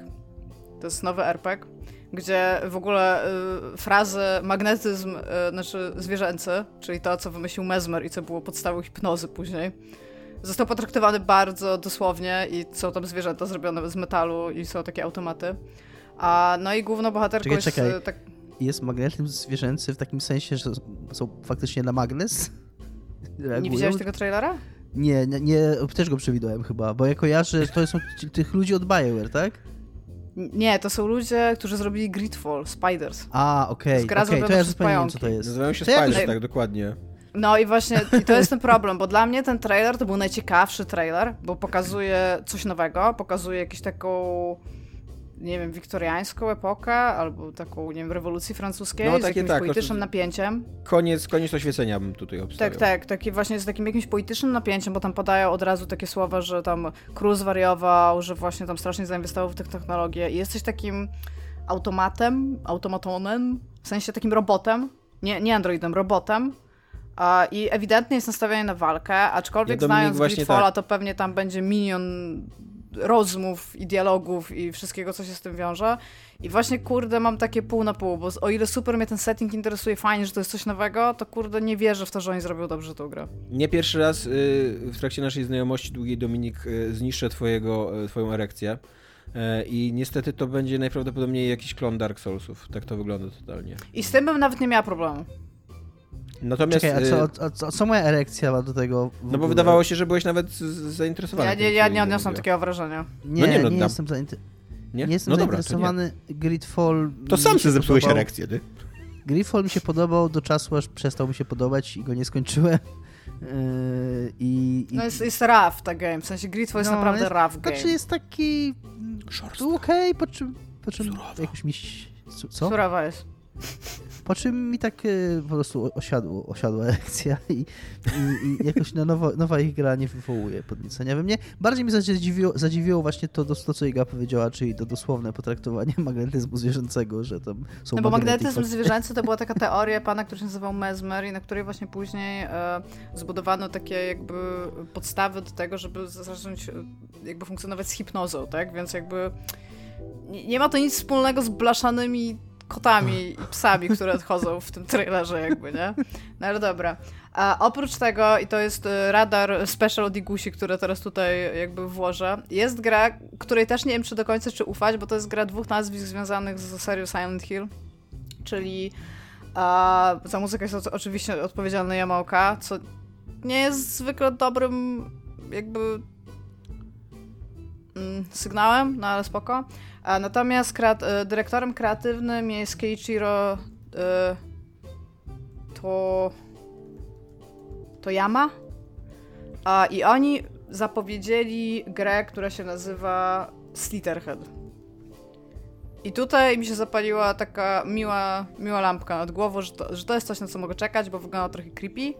Ale potem, jak jest pokazana walka, to to jest taka bardzo arcade'owa walka, więc troszeczkę nie wiem, co o tym myśleć, ale bardzo chętnie poczekam na więcej, bo je, bywa creepy w kilku miejscach tego trailera. Nie wiem, czy widzieliście? Dominik, przewinąłeś ten trailer też? O ludziach, którzy się tak twarze otwierają, a potem się zamieniają w takie dziwne nie. dane, po czym znowu się zmieniają w ludzi? Nie, akurat ten tego trailera nie przewinąłem, yy, ale ja nie mam Wyszedłem do toalety. ale ja nie mam żadnych emocji do Silent Hilla bo on też za wiele nie mówił o tym, jak się to będzie grało. E, poza tym ja nie mam żadnych emocji do Silent Hilla poza tymi, które ty mi dałaś. A to nie, nie były to dobre emocje, ale no też rozumiem. nie no, teraz wytłumaczę tym, którzy nie wiedzą. E, Iga swego czasu pożyczyła mi, to nie jest jej wina absolutnie, to nie jest, że ona coś zrobiła. Pożyczyła mi na PlayStation 2 Silent Hilla dwa, tak? Dwójkę? Tak, dwójkę, no. I ja w niego próbowałem grać tak współcześnie już, tam, to było, nie 10 lat temu, nie? Ale, ale, ale długo po tym, jak ta gra wyszła i, i no straszne to było doświadczenie i nie, nie w sensie horroru, tylko no jednak też ja rozumiem to i Iga zawsze to mi tłumaczyła, że, że pewna taka toporność tej gry jest częścią jej zamysłu i to jest jakby mm. zrobione z, świadomie. Natomiast też takie rzeczy się, wydaje mi się, starzeją jeszcze gorzej niż normalne mechanizmy rozgrywki, więc y, być może w ta czasach, kiedy ona wyszła, nie raziło to aż tak bardzo, ale wtedy jak ja próbowałem, no to już nie. No, no i jakby podkreślę jeszcze raz, że był nowy trailer Elden Ringa, y, który to zapowiedział chodzący garnek, co też mi się wydawało pretty cool. Ja, zaczekaj, bo ja nie wiedziałem, że już przychodzi do następnej gry. Ja bym się chciał też o tym Splitterhead, tak to się nazywa? Mhm. E, że, że y, ja mam strasznie dziwny vibe wokół tej gry, bo ja jako człowiek, który nie grał w Silent Hilla chciałbym jakby nadrobić to doświadczenie, może, ale Silent Hill 2 dzisiaj się sprawdzał bardzo słabo gameplayowo. Eee, Co ty? I, I, i, no ale, ale ta gra jakby mi nie daje w ogóle żadnej nic, żadnej erekcji mi nie dała, co nie żadnego prądu nawet. Y, tak, to wygląda jak totalny taki slasher i to jeszcze strasznie głupi slasher. Ja nie mam problemu ze slasherami, jeżeli jeszcze mi zrobił takiego creepy slashera, to będę pretty happy, tylko właśnie to nie pokazuje ani, że to będzie spoko slasher, ani w ogóle to nic nie pokazuje, więc mówię, że zapaliła mi się lampka, mam to na radarze i to jest tyle. Jakby nie mam zamiaru tego kupować day one, jakby poczekam. E, no mówię, jeżeli ktoś w ogóle, wiesz, sygnuje się jako e, no, twórca Silent Hilla, okej, okay. E, mhm. oraz Oka, który robił muzykę, która sprawdziła się w Silent Hillu, okej, okay. jakby teraz jest XXI wiek, jakby let's go on, jakby zróbmy dalej rzeczy. E, to, ale wciąż jestem przynajmniej na tyle zainteresowana, żeby zobaczyć, jakby co, co, co będzie z tą grą po wyjściu. Mówię, Elder Ring był, więc o tym już tutaj nie będę mówić, bo wiadomo, że się jaram i chcę grać. 25 luty jest, 25, e, 25 lutego jest zdecydowanie za daleko w przyszłym roku, mógł być wcześniej. E, ale jest taka gra, która się nazywa, ją wydaje Anapurna więc Tomka to też może zainteresować. A, tak, wiem. O tak, tym, żeby rozczarować swoich wygląda... rodziców i walczyć tak, ze swoimi jest... byłymi. Tak, byłymi, no, którzy stworzyli ligę, bo takich po prostu źle traktowałeś, no. A jakby, bo to jest tak, gameplay, te elementy gameplayu, które są pokazane, wyglądają super sztywno i tak sobie animacyjnie, natomiast cała reszta tego traileru w ogóle wygląda tak fenomenalnie fan, że jestem realnie zainteresowana, co tam będzie można robić. Wygląda tak, jak jest... Bollywood The Game z nutką Tak, z jeżdżeniem deskorolce, walkami, jakimiś puzzles w tych walkach, gotowaniem, ale takim gotowaniem po prostu full Bollywood, gdzie jak mieszasz zupę, to jesteś, kurde, trzymasz łyżkę, jesteś do góry nogami i się kręcisz po prostu razem z tą łyżką w tym garnku w ogóle, nie? Więc jakby tak, chcę zobaczyć, plus wygląda też na taką mega inclusive game, plus wydaje się być śmiesznie napisana, mhm. zawsze humor w grach w cenie, a więc tak, jakby to było coś, co mi realnie chyba tak, tak, że zapamiętam to ze względu na to, że ej, to jest właśnie ten Bollywood the game, nie? Jakby nie ma, nie ma za dużo takich rzeczy. A Oprócz tego wyszło bardzo dużo, jakby ja bym tutaj skończyła, bo moim zdaniem te inne gry, które ten jakby już mają albo tyle reklamy i są na tyle świadomości, że nie opłaca się o tym mówić, a poza tym jestem po prostu strasznie zawiedziona tymi trailerami. Nie wiem, czy wam, czy wy coś jakoś tak mocniej zapamiętaliście, bo... No właśnie, ja z tych, co nie przewidałem, to, to zapamiętałem tylko Lana Wake'a, ale też dlatego mówię, no nie no, będę go to, to też dlatego, że to dlatego, Remedy, że, nie? Więc... Dlatego, że to Remedy i kocham ich, i kocham ich gry i, i bardzo czekam na to. E, ale tak, tak to nie, nie miałem czegoś takiego, żeby na przykład sam, sam gameplay jakiś albo sama wizja czegoś mnie, mnie porwała. Fajnie, że robią Dune, e, tylko że to będzie 4X w ogóle więc to raczej nie będzie gra, w którą pogram więcej. Znaczy, to, to może pójść tak naprawdę w dwa kierunki. To albo gra, 16 którą... godzin non-stop, tak, albo pół godziny. Albo, albo pół godziny zostawię, albo włączę i będę grał tak, jak ja powiedziałem. No, dokładnie, nie mam nic do dodania na ten temat. Więc w tym sensie jestem ciekaw, ale... Ja tak ogólnie, tak podsumowując, to im powiedziała, że to jest po prostu jeden... Czasami jest taki rok wypełniaczy i mi się wydaje, że to będzie ten rok, 2020. Znaczy, ja bym chciał powiedzieć, że są dwie rzeczy, o których byście chcieli porozmawiać. Po, przy, przede wszystkim Dominik jest ten Matrix, y, A, który tak. ciebie w jakiś sposób, w jakiś sposób cię poruszył, bo nawet się mnie pytałeś, tak, czy... Nie, łą... nie łączyłem tego, z, ale tak, nie łączyłem tego z Game Awards, bo o tym się już to jakby wy... znaczy wyciekło, nie wyciekło, tylko to demo się pojawiło do ściągnięcia wcześniej e, przed Game Awards, więc tak, jest to rzecz, o której chcę opowiedzieć. Czy teraz mam to zrobić? Tak, tak, teraz. E, jest to demo technologiczne e, przygotowane Y, jak przez Epika we współpracy z producentami filmu Matrix y, Zmartwychwstania y, z udziałem Carrie Moss i Keanu Reevesa, którzy występują tam w rolach swoich z filmu, filmu, filmów Matrix i też z nowego filmu Matrix. Jest taki pokaz technologicznych możliwości silnika Unreal Engine 5, tak? Chyba teraz jest nowy? Czy 4? 5, 5. nie? 4 był do tej pory. I, i, i, jest to zaskakująco interaktywne, bo to się wydaje na początku, że to jest taki po prostu filmik, który jest spalony na, na silniku gry i on na początku, na początku pokazuje ci fragment filmu, Keanu idzie przed ekran i zadaje ci takie pytanie, co z tego, co widzisz, jest prawdziwe. I jak oglądałem później materiały Digital Foundry, no to właśnie tak oni o tym mówią, że w tym momencie oni cię tak trochę, wiesz, yy, tak yy, zachęcają do takiego zastanowienia się, ile z tego, co widzisz, to jest faktycznie na silniku gry. I potem przechodzi to do, do rekonstrukcji jednej z pierwszych film, scen filmowego Matrixa pierwszej części, tak gdzie kamera zjeżdża na dół i Neo leży przed ekranem, która jest, yy, tak jak ustaliło Digital Foundry, praktycznie w całości zrobiona na Unreal Engine, a wygląda no niemal idealnie. E, tam może z dobrymi szczegółami na, na twarzy, ale też jeśli chodzi o skórę, o to, mm, jak skóra odbija światło, jak jest ten podskórno się światło rozprasza, to jest zawsze problem, duży, duży, duży temat w postaciach w grach. No wygląda to niesamowicie. Potem przychodzi taki sekwencji pościgów, który jest takim celowniczkiem klasycznym, że latasz celownikiem No właśnie, nawet nie jest. To, jest. to jest ten moment, kiedy ja się zniechęciłem do tego traileru, bo to nawet nie jest celowniczek, tylko takie przełączanie się pomiędzy oponami, do których strzelasz.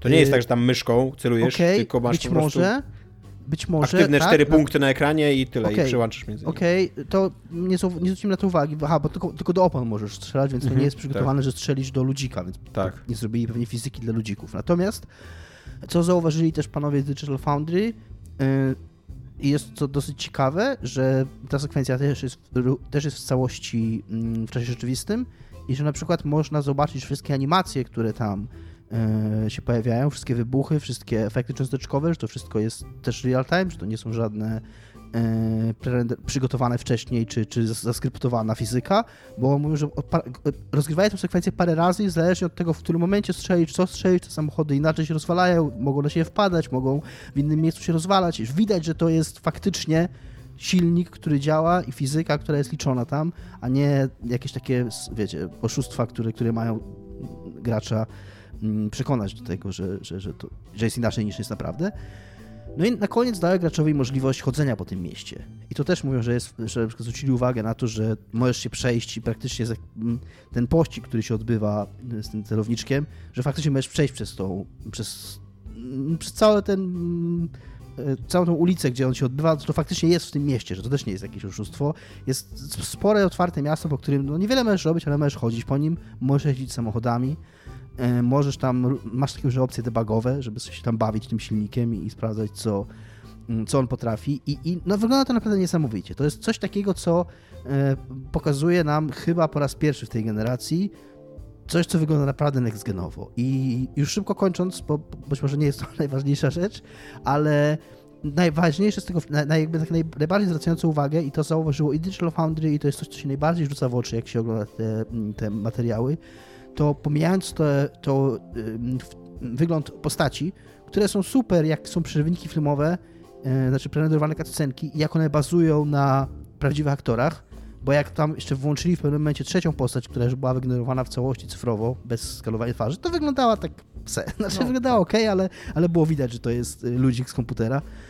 Yy, to jest yy, taka bardzo duża stabilność w level of detail. Znaczy Mm, to, to jest jakaś nowa technologia, która nazywa się nanitami i która powoduje, że jest bardzo płynne skalowanie szczegółów, jeżeli chodzi o obiekty, które widać w scenie.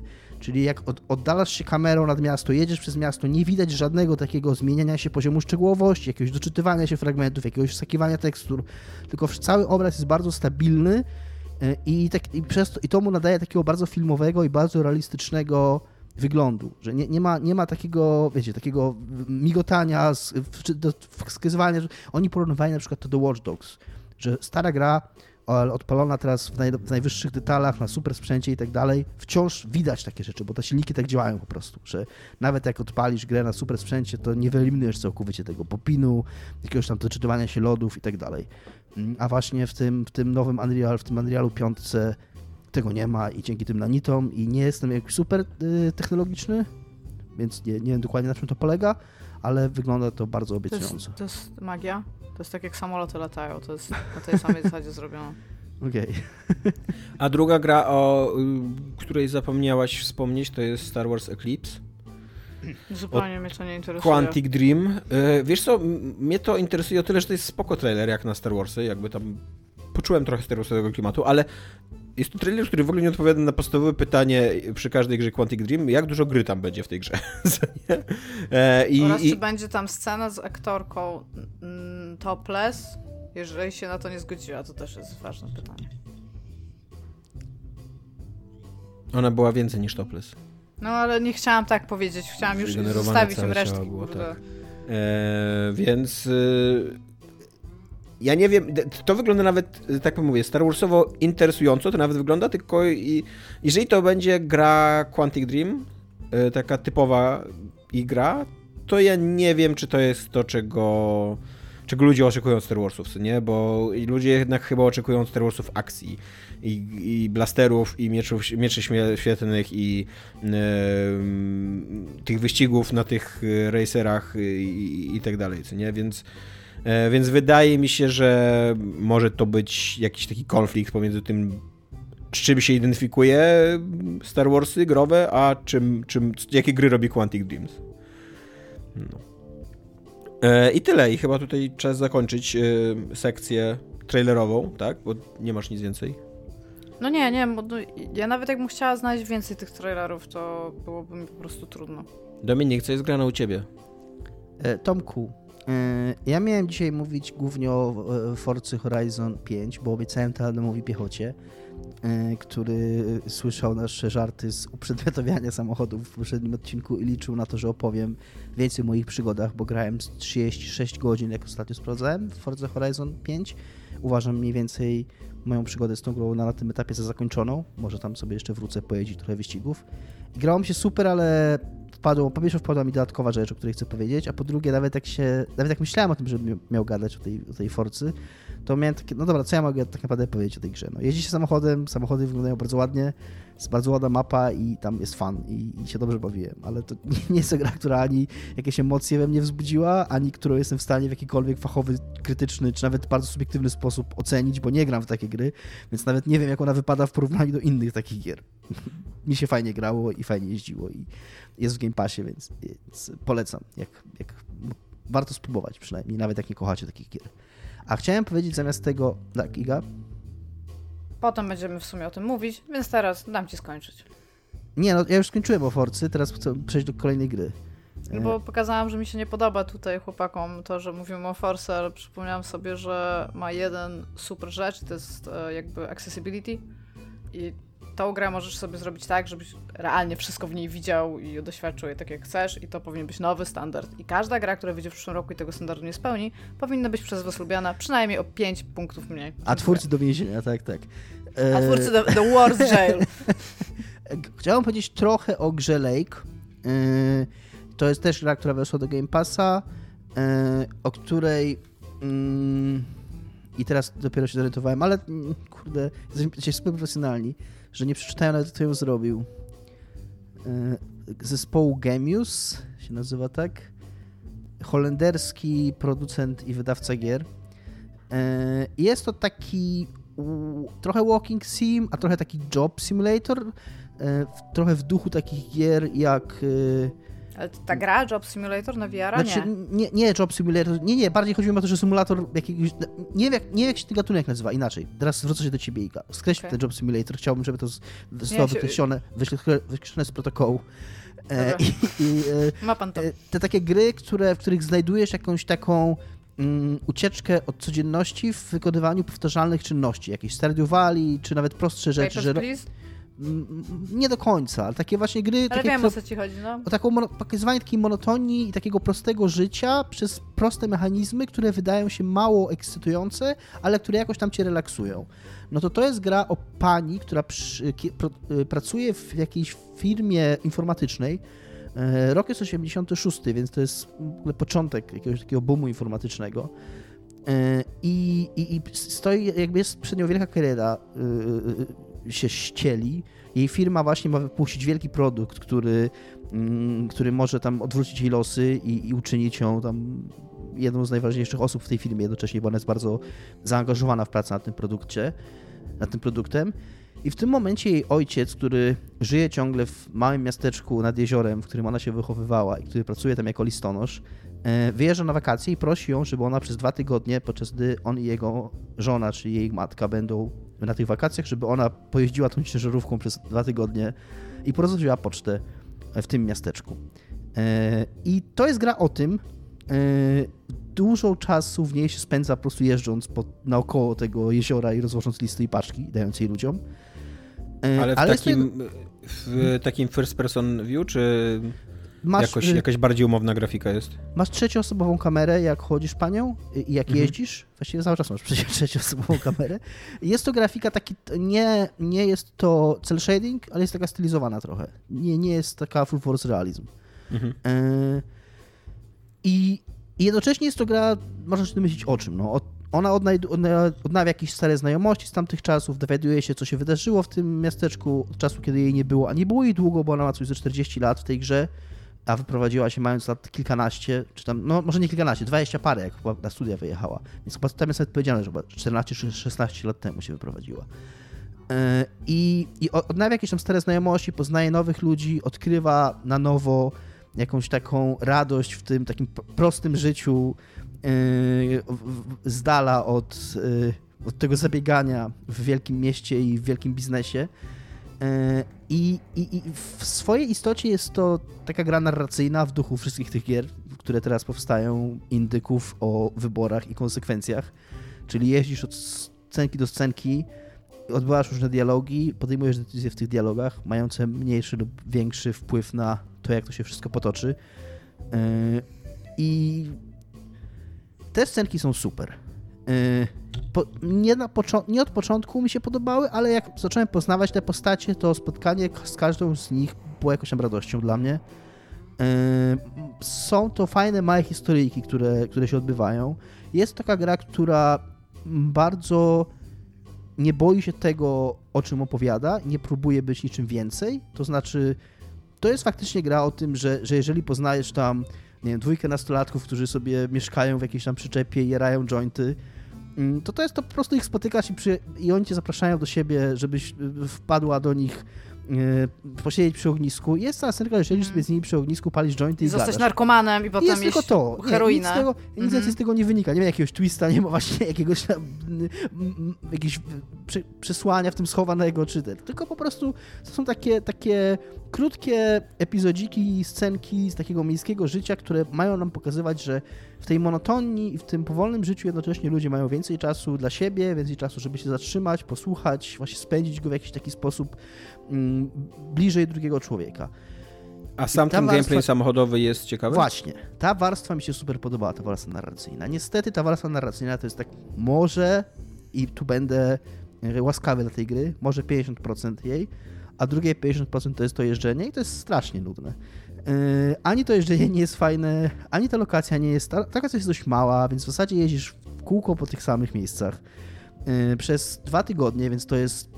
Niedziela masz wolne, więc jest 12 takich sekwencji, w których praktycznie każda, pomijając te scenki narracyjne, tam nawet nie ma tak dużo tych budyneczków, więc w zasadzie tych samych budyneczków jeździsz i jeżeli tam nie jest jakaś scenka, a powiedzmy raz na 4 czy raz na 5 scenka jest, a pozostałe to są po prostu kładziesz paczkę przez drzwiami albo wkładasz list do skrzynki i odjeżdżasz, nie?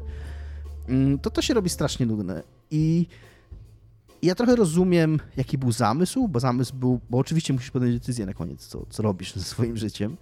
I że zamysł był taki, że, mm, że to ma, ta, że to, ta gra ma pokazywać tą monotonię, że to, ta jej praca będzie bardzo monotonna w tym, że jakby z tymi wszystkimi plusami życia w tej miejscowości, czyli czasem dla siebie, tymi ludzkimi kontaktami, tymi chwilami, tą intymnością, tą bliskością z drugim człowiekiem, jest też ta nuda pracy i że ta, nuda, ta gra musi pokazać tę nudę pracy, żeby ją przedstawić graczowi, ale y, to mm, jakby od wielu, wielu lat już nie jestem takim fanem tworzenia fikcji, że żeby pokazać coś nudnego, to to musi być nudne jednocześnie. Nie? Można pokazać nudę w nieludny sposób, uważam. Y, I to jest fajne wtedy, jak to się uda. A ta gra robi to w ten sposób, że po prostu każe ci jeździć mm, i, i to, jest, to jest mało interesujące. Na szczęście Czy nie... Wybór na końcu, po, który podejmujesz, to jest wybór... E, każdej głównej bohaterki filmów Hallmarka na święta, czyli mogę kontynuować karierę w mieście sama albo wyjść tutaj za tego potentata, co myślałam, że jest drwalem, ale okazuje się, że jednak w sumie kręci całym tartakiem akurat i jest, odkryłam, akurat, że jednak to jest dobry ziomeczek. Akurat jedna z, jedna z potencjalnych y, Jednak par, ma mani, więc go kocham. Y, ta potenc- jeden z potencjalnych partnerów lub bądź partnerek dla pani jest drwalem, więc... To jest film Hallmarka The Game. Swoją drogą, swoją drogą, mm, ale nie, nie, nie masz tego twista. Właśnie no nie ma takich twistów, że on się okazuje jakiś bogaczy. Nie, po prostu jest drwalem. Y, jest też, jest też, y, jest też możliwość związku y, z drugą kobietą. I, I, bardzo mi się spodobało, jak przeglądałem recenzję tej gry na Steamie. To była jedna recenzja pozytywna, której treść brzmiała I like lesbians. I koniec, to była cała, była cała recenzja.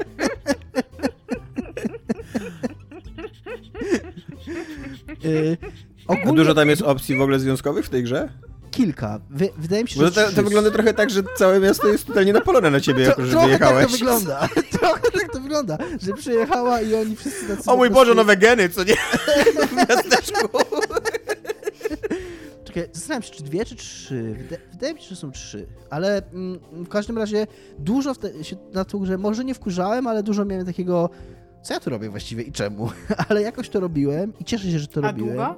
Nie, nie, jest 3-4 godziny, to jest krótka gra, okay. więc, więc o tyle jest spoko.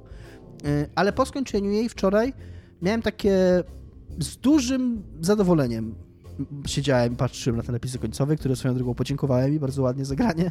Mateusz, jeżeli słuchasz. Y, I, i, i byłem ucieszony. Mateusza nie wsadzę do więzienia? Ale mam... będzie, ale pójdzie na karnego jeżyka, jak nie podziękuję graczom. Mam bardzo miłe, ogólne takie mm, odczucie po tej grze i cieszę się, że nią zagrałem, więc, więc tak. I będzie jeszcze trzecia rzecz, w co jest grane dzisiaj, ale Forza było bardzo krótko, więc się liczy. Obejrzałem wczoraj wieczorem późnym Tick Tick Boom na Netflixie. Jest to film e, debiutującej reżyserki, której oczywiście nazwiska sobie nie zapisałem, ale zaraz wam wygooglam. Nazywa się Lin Manuel Miranda. To, to, nie jest reżyserka, to jest facet w ogóle. nie wiem, czy byłem przekonany, że to jest kobieta. E, Lin Manuel Miranda jest to reżyser to nie filmem. jest reżyserka. To mężczyzna. tak, w ogóle to jest, jakiś, to jest jakaś katastrofa kolejowa. Przepraszam was bardzo. Wpisałem sobie bardzo dużo informacji o tym filmie, a nie wpisałem sobie reżysera. E, jest to film od Jonathanie Larsonie, czyli od twórcy musicalu Rent, który opowiada... I teraz tak, ten film ma bardzo... Znaczy, jak się go ogląda, to on nie jest skomplikowany, ale wyjaśnienie jego zamysłu narracyjnego jest bardzo trudne. I jakby spróbuję to zrobić najlepiej jak umiem, bo ten zamysł jest ciekawy i uważam, że jest dużo mm, mm, jakby dużo na plus daje temu filmowi, bo to jest mm, historia opowiadająca o e, początkach kariery Larsona, kiedy, kiedy to on w, roku 90 w, na tydzień przed swoimi 30 urodzinami ma mm, przeprowadzić taki pokaz dla, dla potencjalnych producentów e, swojego pierwszego tak poważnego musicalu broadwayowego, na którym pracuje od 8 lat. E, tylko, że sam film e, jest adaptacją musicalu, który on później napisał, o tym jak pisał ten musical i jednocześnie w filmie on się pojawia wystawiając ten musical, więc mamy musical jego autorstwa, który jest przez o niego... O musicalach, który robił. O musicalu, który on robił wcześniej, który jest przeplatany scenkami e, z jego życia. I to jest faktycznie musical autorstwa też tego człowieka. Tam jest nawet taki tekst powiedziany w tym filmie na początku, że wszystko, co zobaczycie, jest prawdą, poza rzeczami, które Larson wymyślił. że to, są, to jest jego, jakby jego relacja z tego, co się działo. Co też nie jest prawdą, jak się, jak się doczytamy o tym filmie, bo y, owszem, treść tego, co on mówi ze sceny, kiedy wystawia ten musical w swoim życiu, jest prawdziwa, natomiast scenki, które. Y, mamy takie normalne dramatyczne, dramatyczne scenki z dialogami, z postaciami i tak dalej no to one już są, to już jest dramatyzacja jakaś tam. Nik, nik, nikogo poza nimi tam nie było, to autor scenariusza sobie mm, jakoś tam na podstawie treści tego musicalu te serki zwizualizował. E, ale oglądało mi się to wszystko super. Jest to bardzo ciekawa historia, bo przy okazji mm, ten film o tym mówi na samym początku i nie ukrywa tego. Mm, ten pan, czyli Jonathan Larson zmarł w 96 roku, czyli 6 lat po akcji filmu. Zmarł w ogóle nagle na tętniaka w mózgu.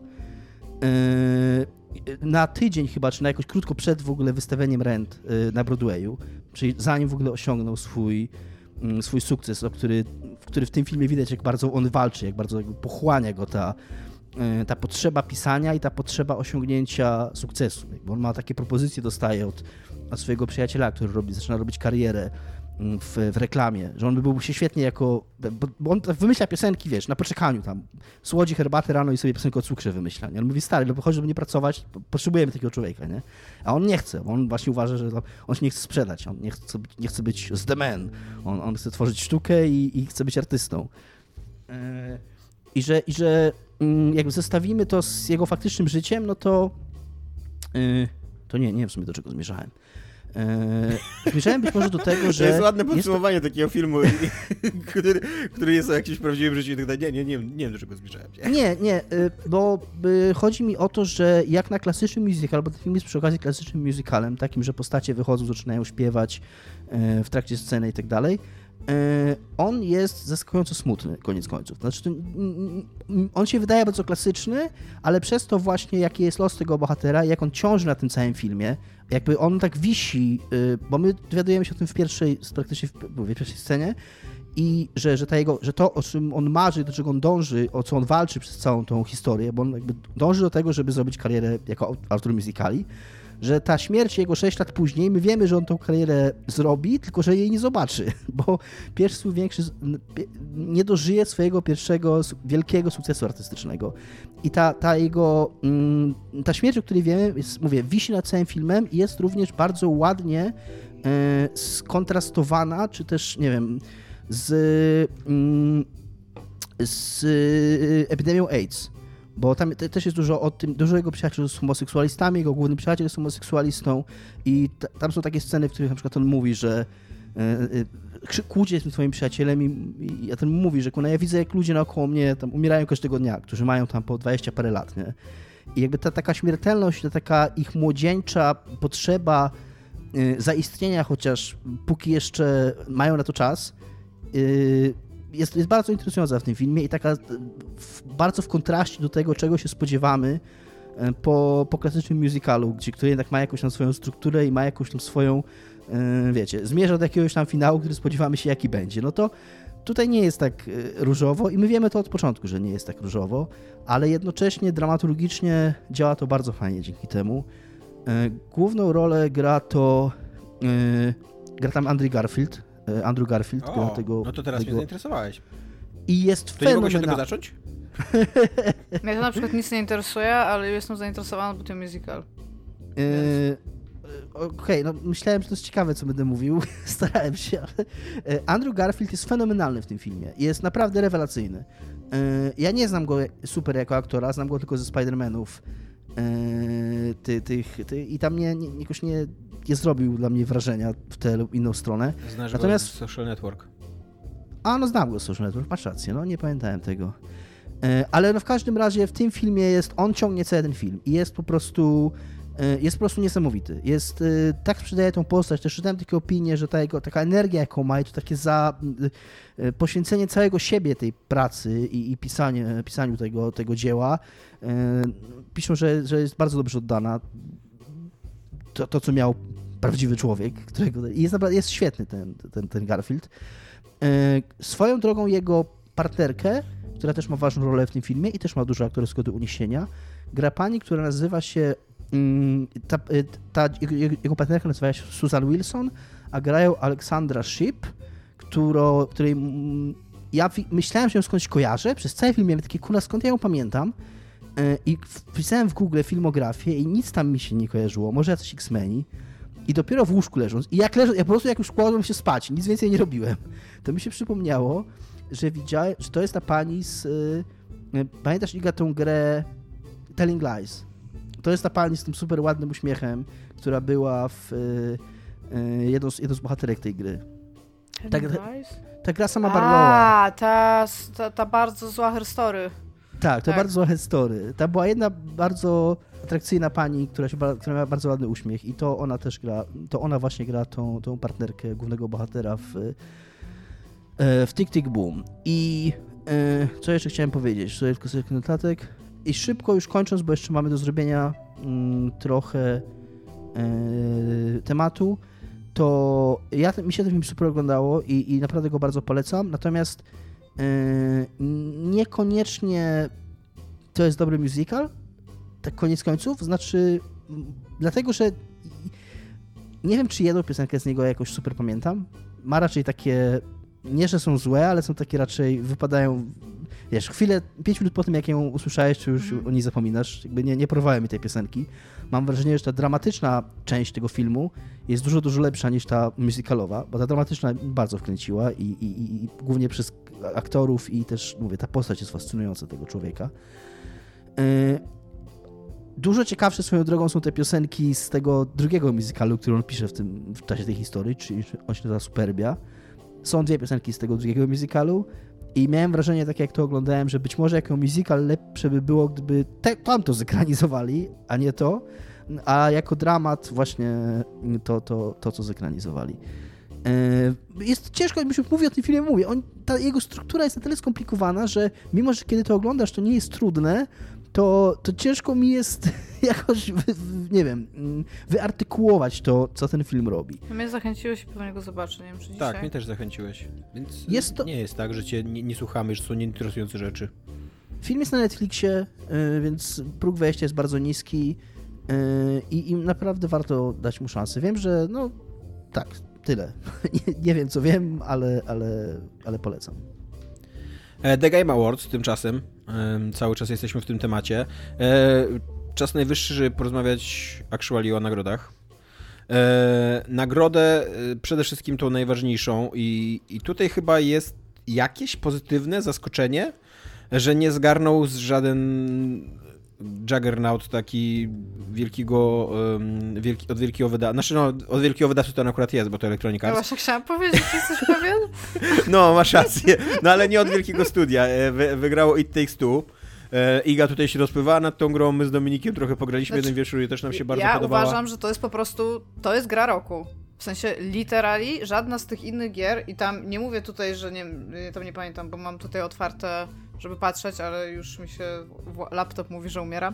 Tam chyba był Deathloop między innymi, nie? Albo coś takiego. Ja po prostu nie uważam, że to są A, na tyle dobre gry, jak tych X2, jeżeli chodzi o samą growość gry. Deathloop był, Metroid Dread, Psychonauts 2, Ratchet Clank i Resident Evil Village. No nie, nie obraziłabym się jakby Psychonauci wydali, ale wszyscy wiedzieliśmy, że nie wygrają gry roku i tekstu jest naprawdę grą roku. To jest gra, która ma dostatecznie dużo pieniędzy, dostatecznie gigantyczne w ogóle zatrzęsienie mechaniki, designerów i wszystkiego, co tam ma, żeby, żeby to wygrała. To jest, na The Game Awards musiało wygrać tekstu, to ja się stało, jestem spokojna. Przygotowując się do tego odcinka, to chciałem mm, trochę swój standardowy hejt y, włączyć, że Messias przyjdzie z rynku Indii, co nie? E, ale to był rok dosyć pusty w takie super fajne, naprawdę wyróżniające się indyki. Było Inscription, który jest chyba takim indykiem, jeszcze nie grałem, ale wszędzie tak piszą, że, że, że, że jest taką grą. No bo to jest typa od Pony Island, więc jakby ja też zakładam, że to będzie bardzo, bardzo Tak, gra. i jest na pewno to więc. Unpacking na pewno też jest, jest czymś, jest swoje własne, co nie? E, I, I, bardzo fajną grą, ale ciężko mi wymienić jeszcze inne takie indyki, ja które by super na siebie zwracały uwagę. Roku. 12 Minutes może, ale z tego co Dominik opowiadał o 12 Minutes, to to nie jest specjalnie udana gra, więc ona próbuje coś własnego zrobić, ale jej chyba nie tak. wychodzi do końca. E, a tak to... Mi się tam podobała, nie? No ale ty uwielbiasz takie przygodówki, których cały czas się tak. wali głową ścianę, co nie? Tak, prawda. To jest bardzo e, przygodówka. No. no. Więc ogólnie It Takes Two chyba nie jest jakimś mega kontrowersyjnym wyborem. No teraz e... zależy na przykład, czy traktujemy Bluebera jako studio indie, nie? Bo na przykład Medium wyszło w tym roku. W tym roku wyszło Medium, a nie w zeszłym? Myślałem, że w tym roku wyszła tylko wersja na konsolę te... Ja grałam na PC, a grałam Day One, więc Aha, musiało no dobra. wyjść. No nie, no ale y- no Medium moim zdaniem nie jest kandydatem do gry roku. No, no jest nowy chapter chyba Deltarune. Nikogo, hashtag. No to też nie, to, to w ogóle nie jest gra roku, bo to w ogóle nie jest skończona gra, co nie? Więc... No tak. Dobra, to Iga, ty tam poszukaj, nie rzucaj teraz tytułami, bo ja będę mówił dalej. Mhm. E, ciekawą nagrodą jest dla mnie Best Game Direction i tutaj Deathloop wygrał. E, tylko z takim założeniem, że to jest, y, że to jest bardzo charakterystyczna taka, bardzo dziwna moim zdaniem kategoria, y, w której nowatorstwo i oryginalność jest y, chyba bardziej cenione niż y, dowiezienie tego, tej, tej, tej oryginalności. No bo, bo Deathloop koniec końców nie miał aż tak super jakby mm, tego lupa, jak, jak się wydawało, że będzie mieć. Jak, jak mówiłem, jak opowiadałem o tej grze, to nie jest de facto zagadka w uszeregowanie tych wszystkich zabójstw, tak żeby one się wydarzyły jednego dnia, tylko tam jest absolutnie jedna ścieżka, którą trzeba nawet nie to, że odkryć, tylko po prostu robisz questy po kolei i gra ci w pewnym momencie mówi, jak masz to zrobić. Um, no ale na pewno jako art direction to, to, to, to, to jest świetna gra. Nie chociaż na przykład... Ale to jest best game direction, nie? Tak, tak to jest się... game direction. To jest bardzo tak. głupia kategoria. Tak. To jest no. taka kategoria, która się idealnie nadaje do tych nagród po prostu, nie? E... Tak jak mówisz, ona nic nie znaczy. Bo e, notabene Art Direction też dostało Deathloop. I tutaj mi trochę dziwiło, że Psychonauts 2 nie dostało tej, tej nagrody. E, ale w sumie Deathloop chyba nie jest jakimś kontrowersyjnym wyborem. Nie? Jest, to, jest to gra, która na pewno wygląda i brzmi oryginalnie po swojemu i, i tak. E, Lady Dimitrescu, bo nie będę czytał wszystkich nagród, nie wszystkich tych wyróżnień, możecie sobie to sprawdzić. E, bardzo słabym wyróżnieniem jest chyba Marvel's Guardian of the Galaxy Też, tak za... Znaczy, nie grałem, story, ale... nie? W ogóle chyba. Bez narrative. Bez narrative. Bez narrative. E, więc, e, więc to jest tak, no ja wierzę, że to jest dobry scenariusz, ale... Mi było, ja w ogóle mam takie coś, że jak, jakbym miała dawać nagrodę, to jak coś się nazywa Marvel, to bym temu nie dała nagrody tylko i wyłącznie dlatego, że nazywa się Marvel. W sensie uważam, że jakby to już, jakie by to nie było, to to jest troszeczkę gorsze od czegoś innego z jakiegoś powodu, tak w mojej głowie, że to nie powinno dostać a o tej, o tej słabości segmentu indie w tym roku, to mnie też przekonuje to, że nagrodę dostała Kena Bridge of Spirits, która być może nawet jest ciekawą grą, ale, znaczy jest dobrą grą, ale w ogóle chyba nie jest ciekawą. Jest dosyć taką klasyczną mm, hack and slashem, beat'em upem z, z widokiem z perspektywy trzeciej osoby. E, I tyle, że jest ładna i urocza i bardzo jako pikselowa i, i jakby okej, okay, co nie, jakby tam spoko, nie? To, to, to, to są dobre, dobre rzeczy świadczące o grze, ale właśnie od najlepszej tak, gry indie spodziewałbym się więcej. o grach niezależnych to są... Yy Independent Game Awards, nie? Tam to, to są dużo lepsze nagrody. No tak, tak, ale jakby Game to nie zmienia faktu, że The Game Awards przyznaje swoją, swoją. I, I tutaj masz yy, wśród nominowanych masz trzy przynajmniej gry, które są dosyć eksperymentalne, bo jest i 12 Minutes, i Inscription, i Loop Heroes, nie? Hmm. Czyli, że wszystkie ja się one... zdziwiam, że Loop Hero nie wygrał. Tak, też, też, też swoją drogą. Znaczy ja, ja osobiście... Dzisiaj Loop Hero jest za darmo na Epiku. Osobiście ja obstawiam e, Inscription. Jakby myślałem, że Inscription zbierze więcej nagród, też bo myślałem, też nie grałem w tą grę, ale wszystko co o niej czytam jest takie, że to jest wow, że to jest niesamowite, niesamowite doświadczenie, że zaskakuje się na każdym kroku i że to w ogóle jest coś zupełnie innego, co nie? Więc myślałem, że Inscription tutaj będzie trochę takim czarnym ale koniem. Właśnie... A no. Ale to, to, jest, to ma właśnie tego tyle samo sens co, co Oscary, jakby. Just saying. Znaczy. żadne nagrody fundamentalnie nie mają żadnego sensu poza tym, że po prostu albo przyjmujemy, przyjmujemy je autorytet, albo nie i przyjmujemy zawsze w ten sam sposób po prostu na słowo. Wierzymy, że Życie w ogóle nie za bardzo ma sens. To jest też, to też jest fakt. Natomiast no, argumentowanie tego, że nagrody nie mają sensu, ponieważ nie wygrała gra, która uważam, że wygrać powinna, wydaje mi się jednak dosyć... Aczkolwiek zgadzam się, że... Yy, że trochę nie mają te akurat nagrody sensu, znaczy... to się musisz zgodzić, prawda? Nie, nie muszę. Wiecie, e, ale wiecie, dlaczego te nagrody nie mają sensu? Bo It Takes Two, jakkolwiek jest super grą, to wygrało trzy nagrody. Wygrało za najlepszą grę, za najlepszą grę familijną i za najlepszą grę multiplayer. Yy, I przynajmniej... Kop, to nagrody... już multiplayer, tam jak rozmawialiśmy o tym. Co? No. Rozmawialiśmy o tym, koop to już jest multiplayer. Nie, jakby nie dzisiaj, no. To nie jest multiplayer, nie jest gra multiplayer, po pierwsze.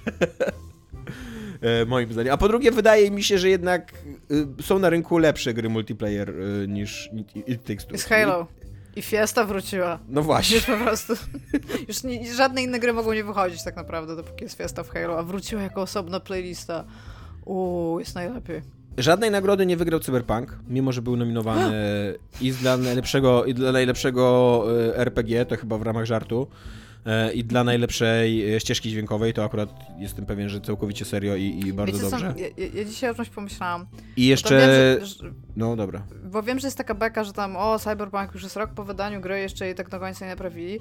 Co mnie sprowadza do faktu, że to znaczy, że oni mogli wydać tę grę rok później. I ona jeszcze by miała błędy. Oni by ją mogli wydać teraz. Dzisiaj by ją tak. mogli wydać i to by nie była skończona gra. Oni przesunęli premierę o rok. Do, jakby do przodu, szybciej ją wydali. To, dzisiaj mnie to przeraziło, jak o tym pomyślałam. A najpierw ją opóźnili o rok, co nie? Tak, ale chodzi mi po prostu o to, że my jako konsumenci no tak. frajersko kupiliśmy rzecz, która powinna wyjść rok później z developmentu jakby tak, czy dało się przejść, bo zaraz będzie, tak, dało się, tak? Czy dało się w niektórych miejscach dobrze bawić? Tak, ale wciąż dostaliśmy bardzo nieskończoną grę i to nie o pół to, roku, nie o trzy to miesiące, jest jedna z najlepszych gier RPG roku, Iga, się okazuje.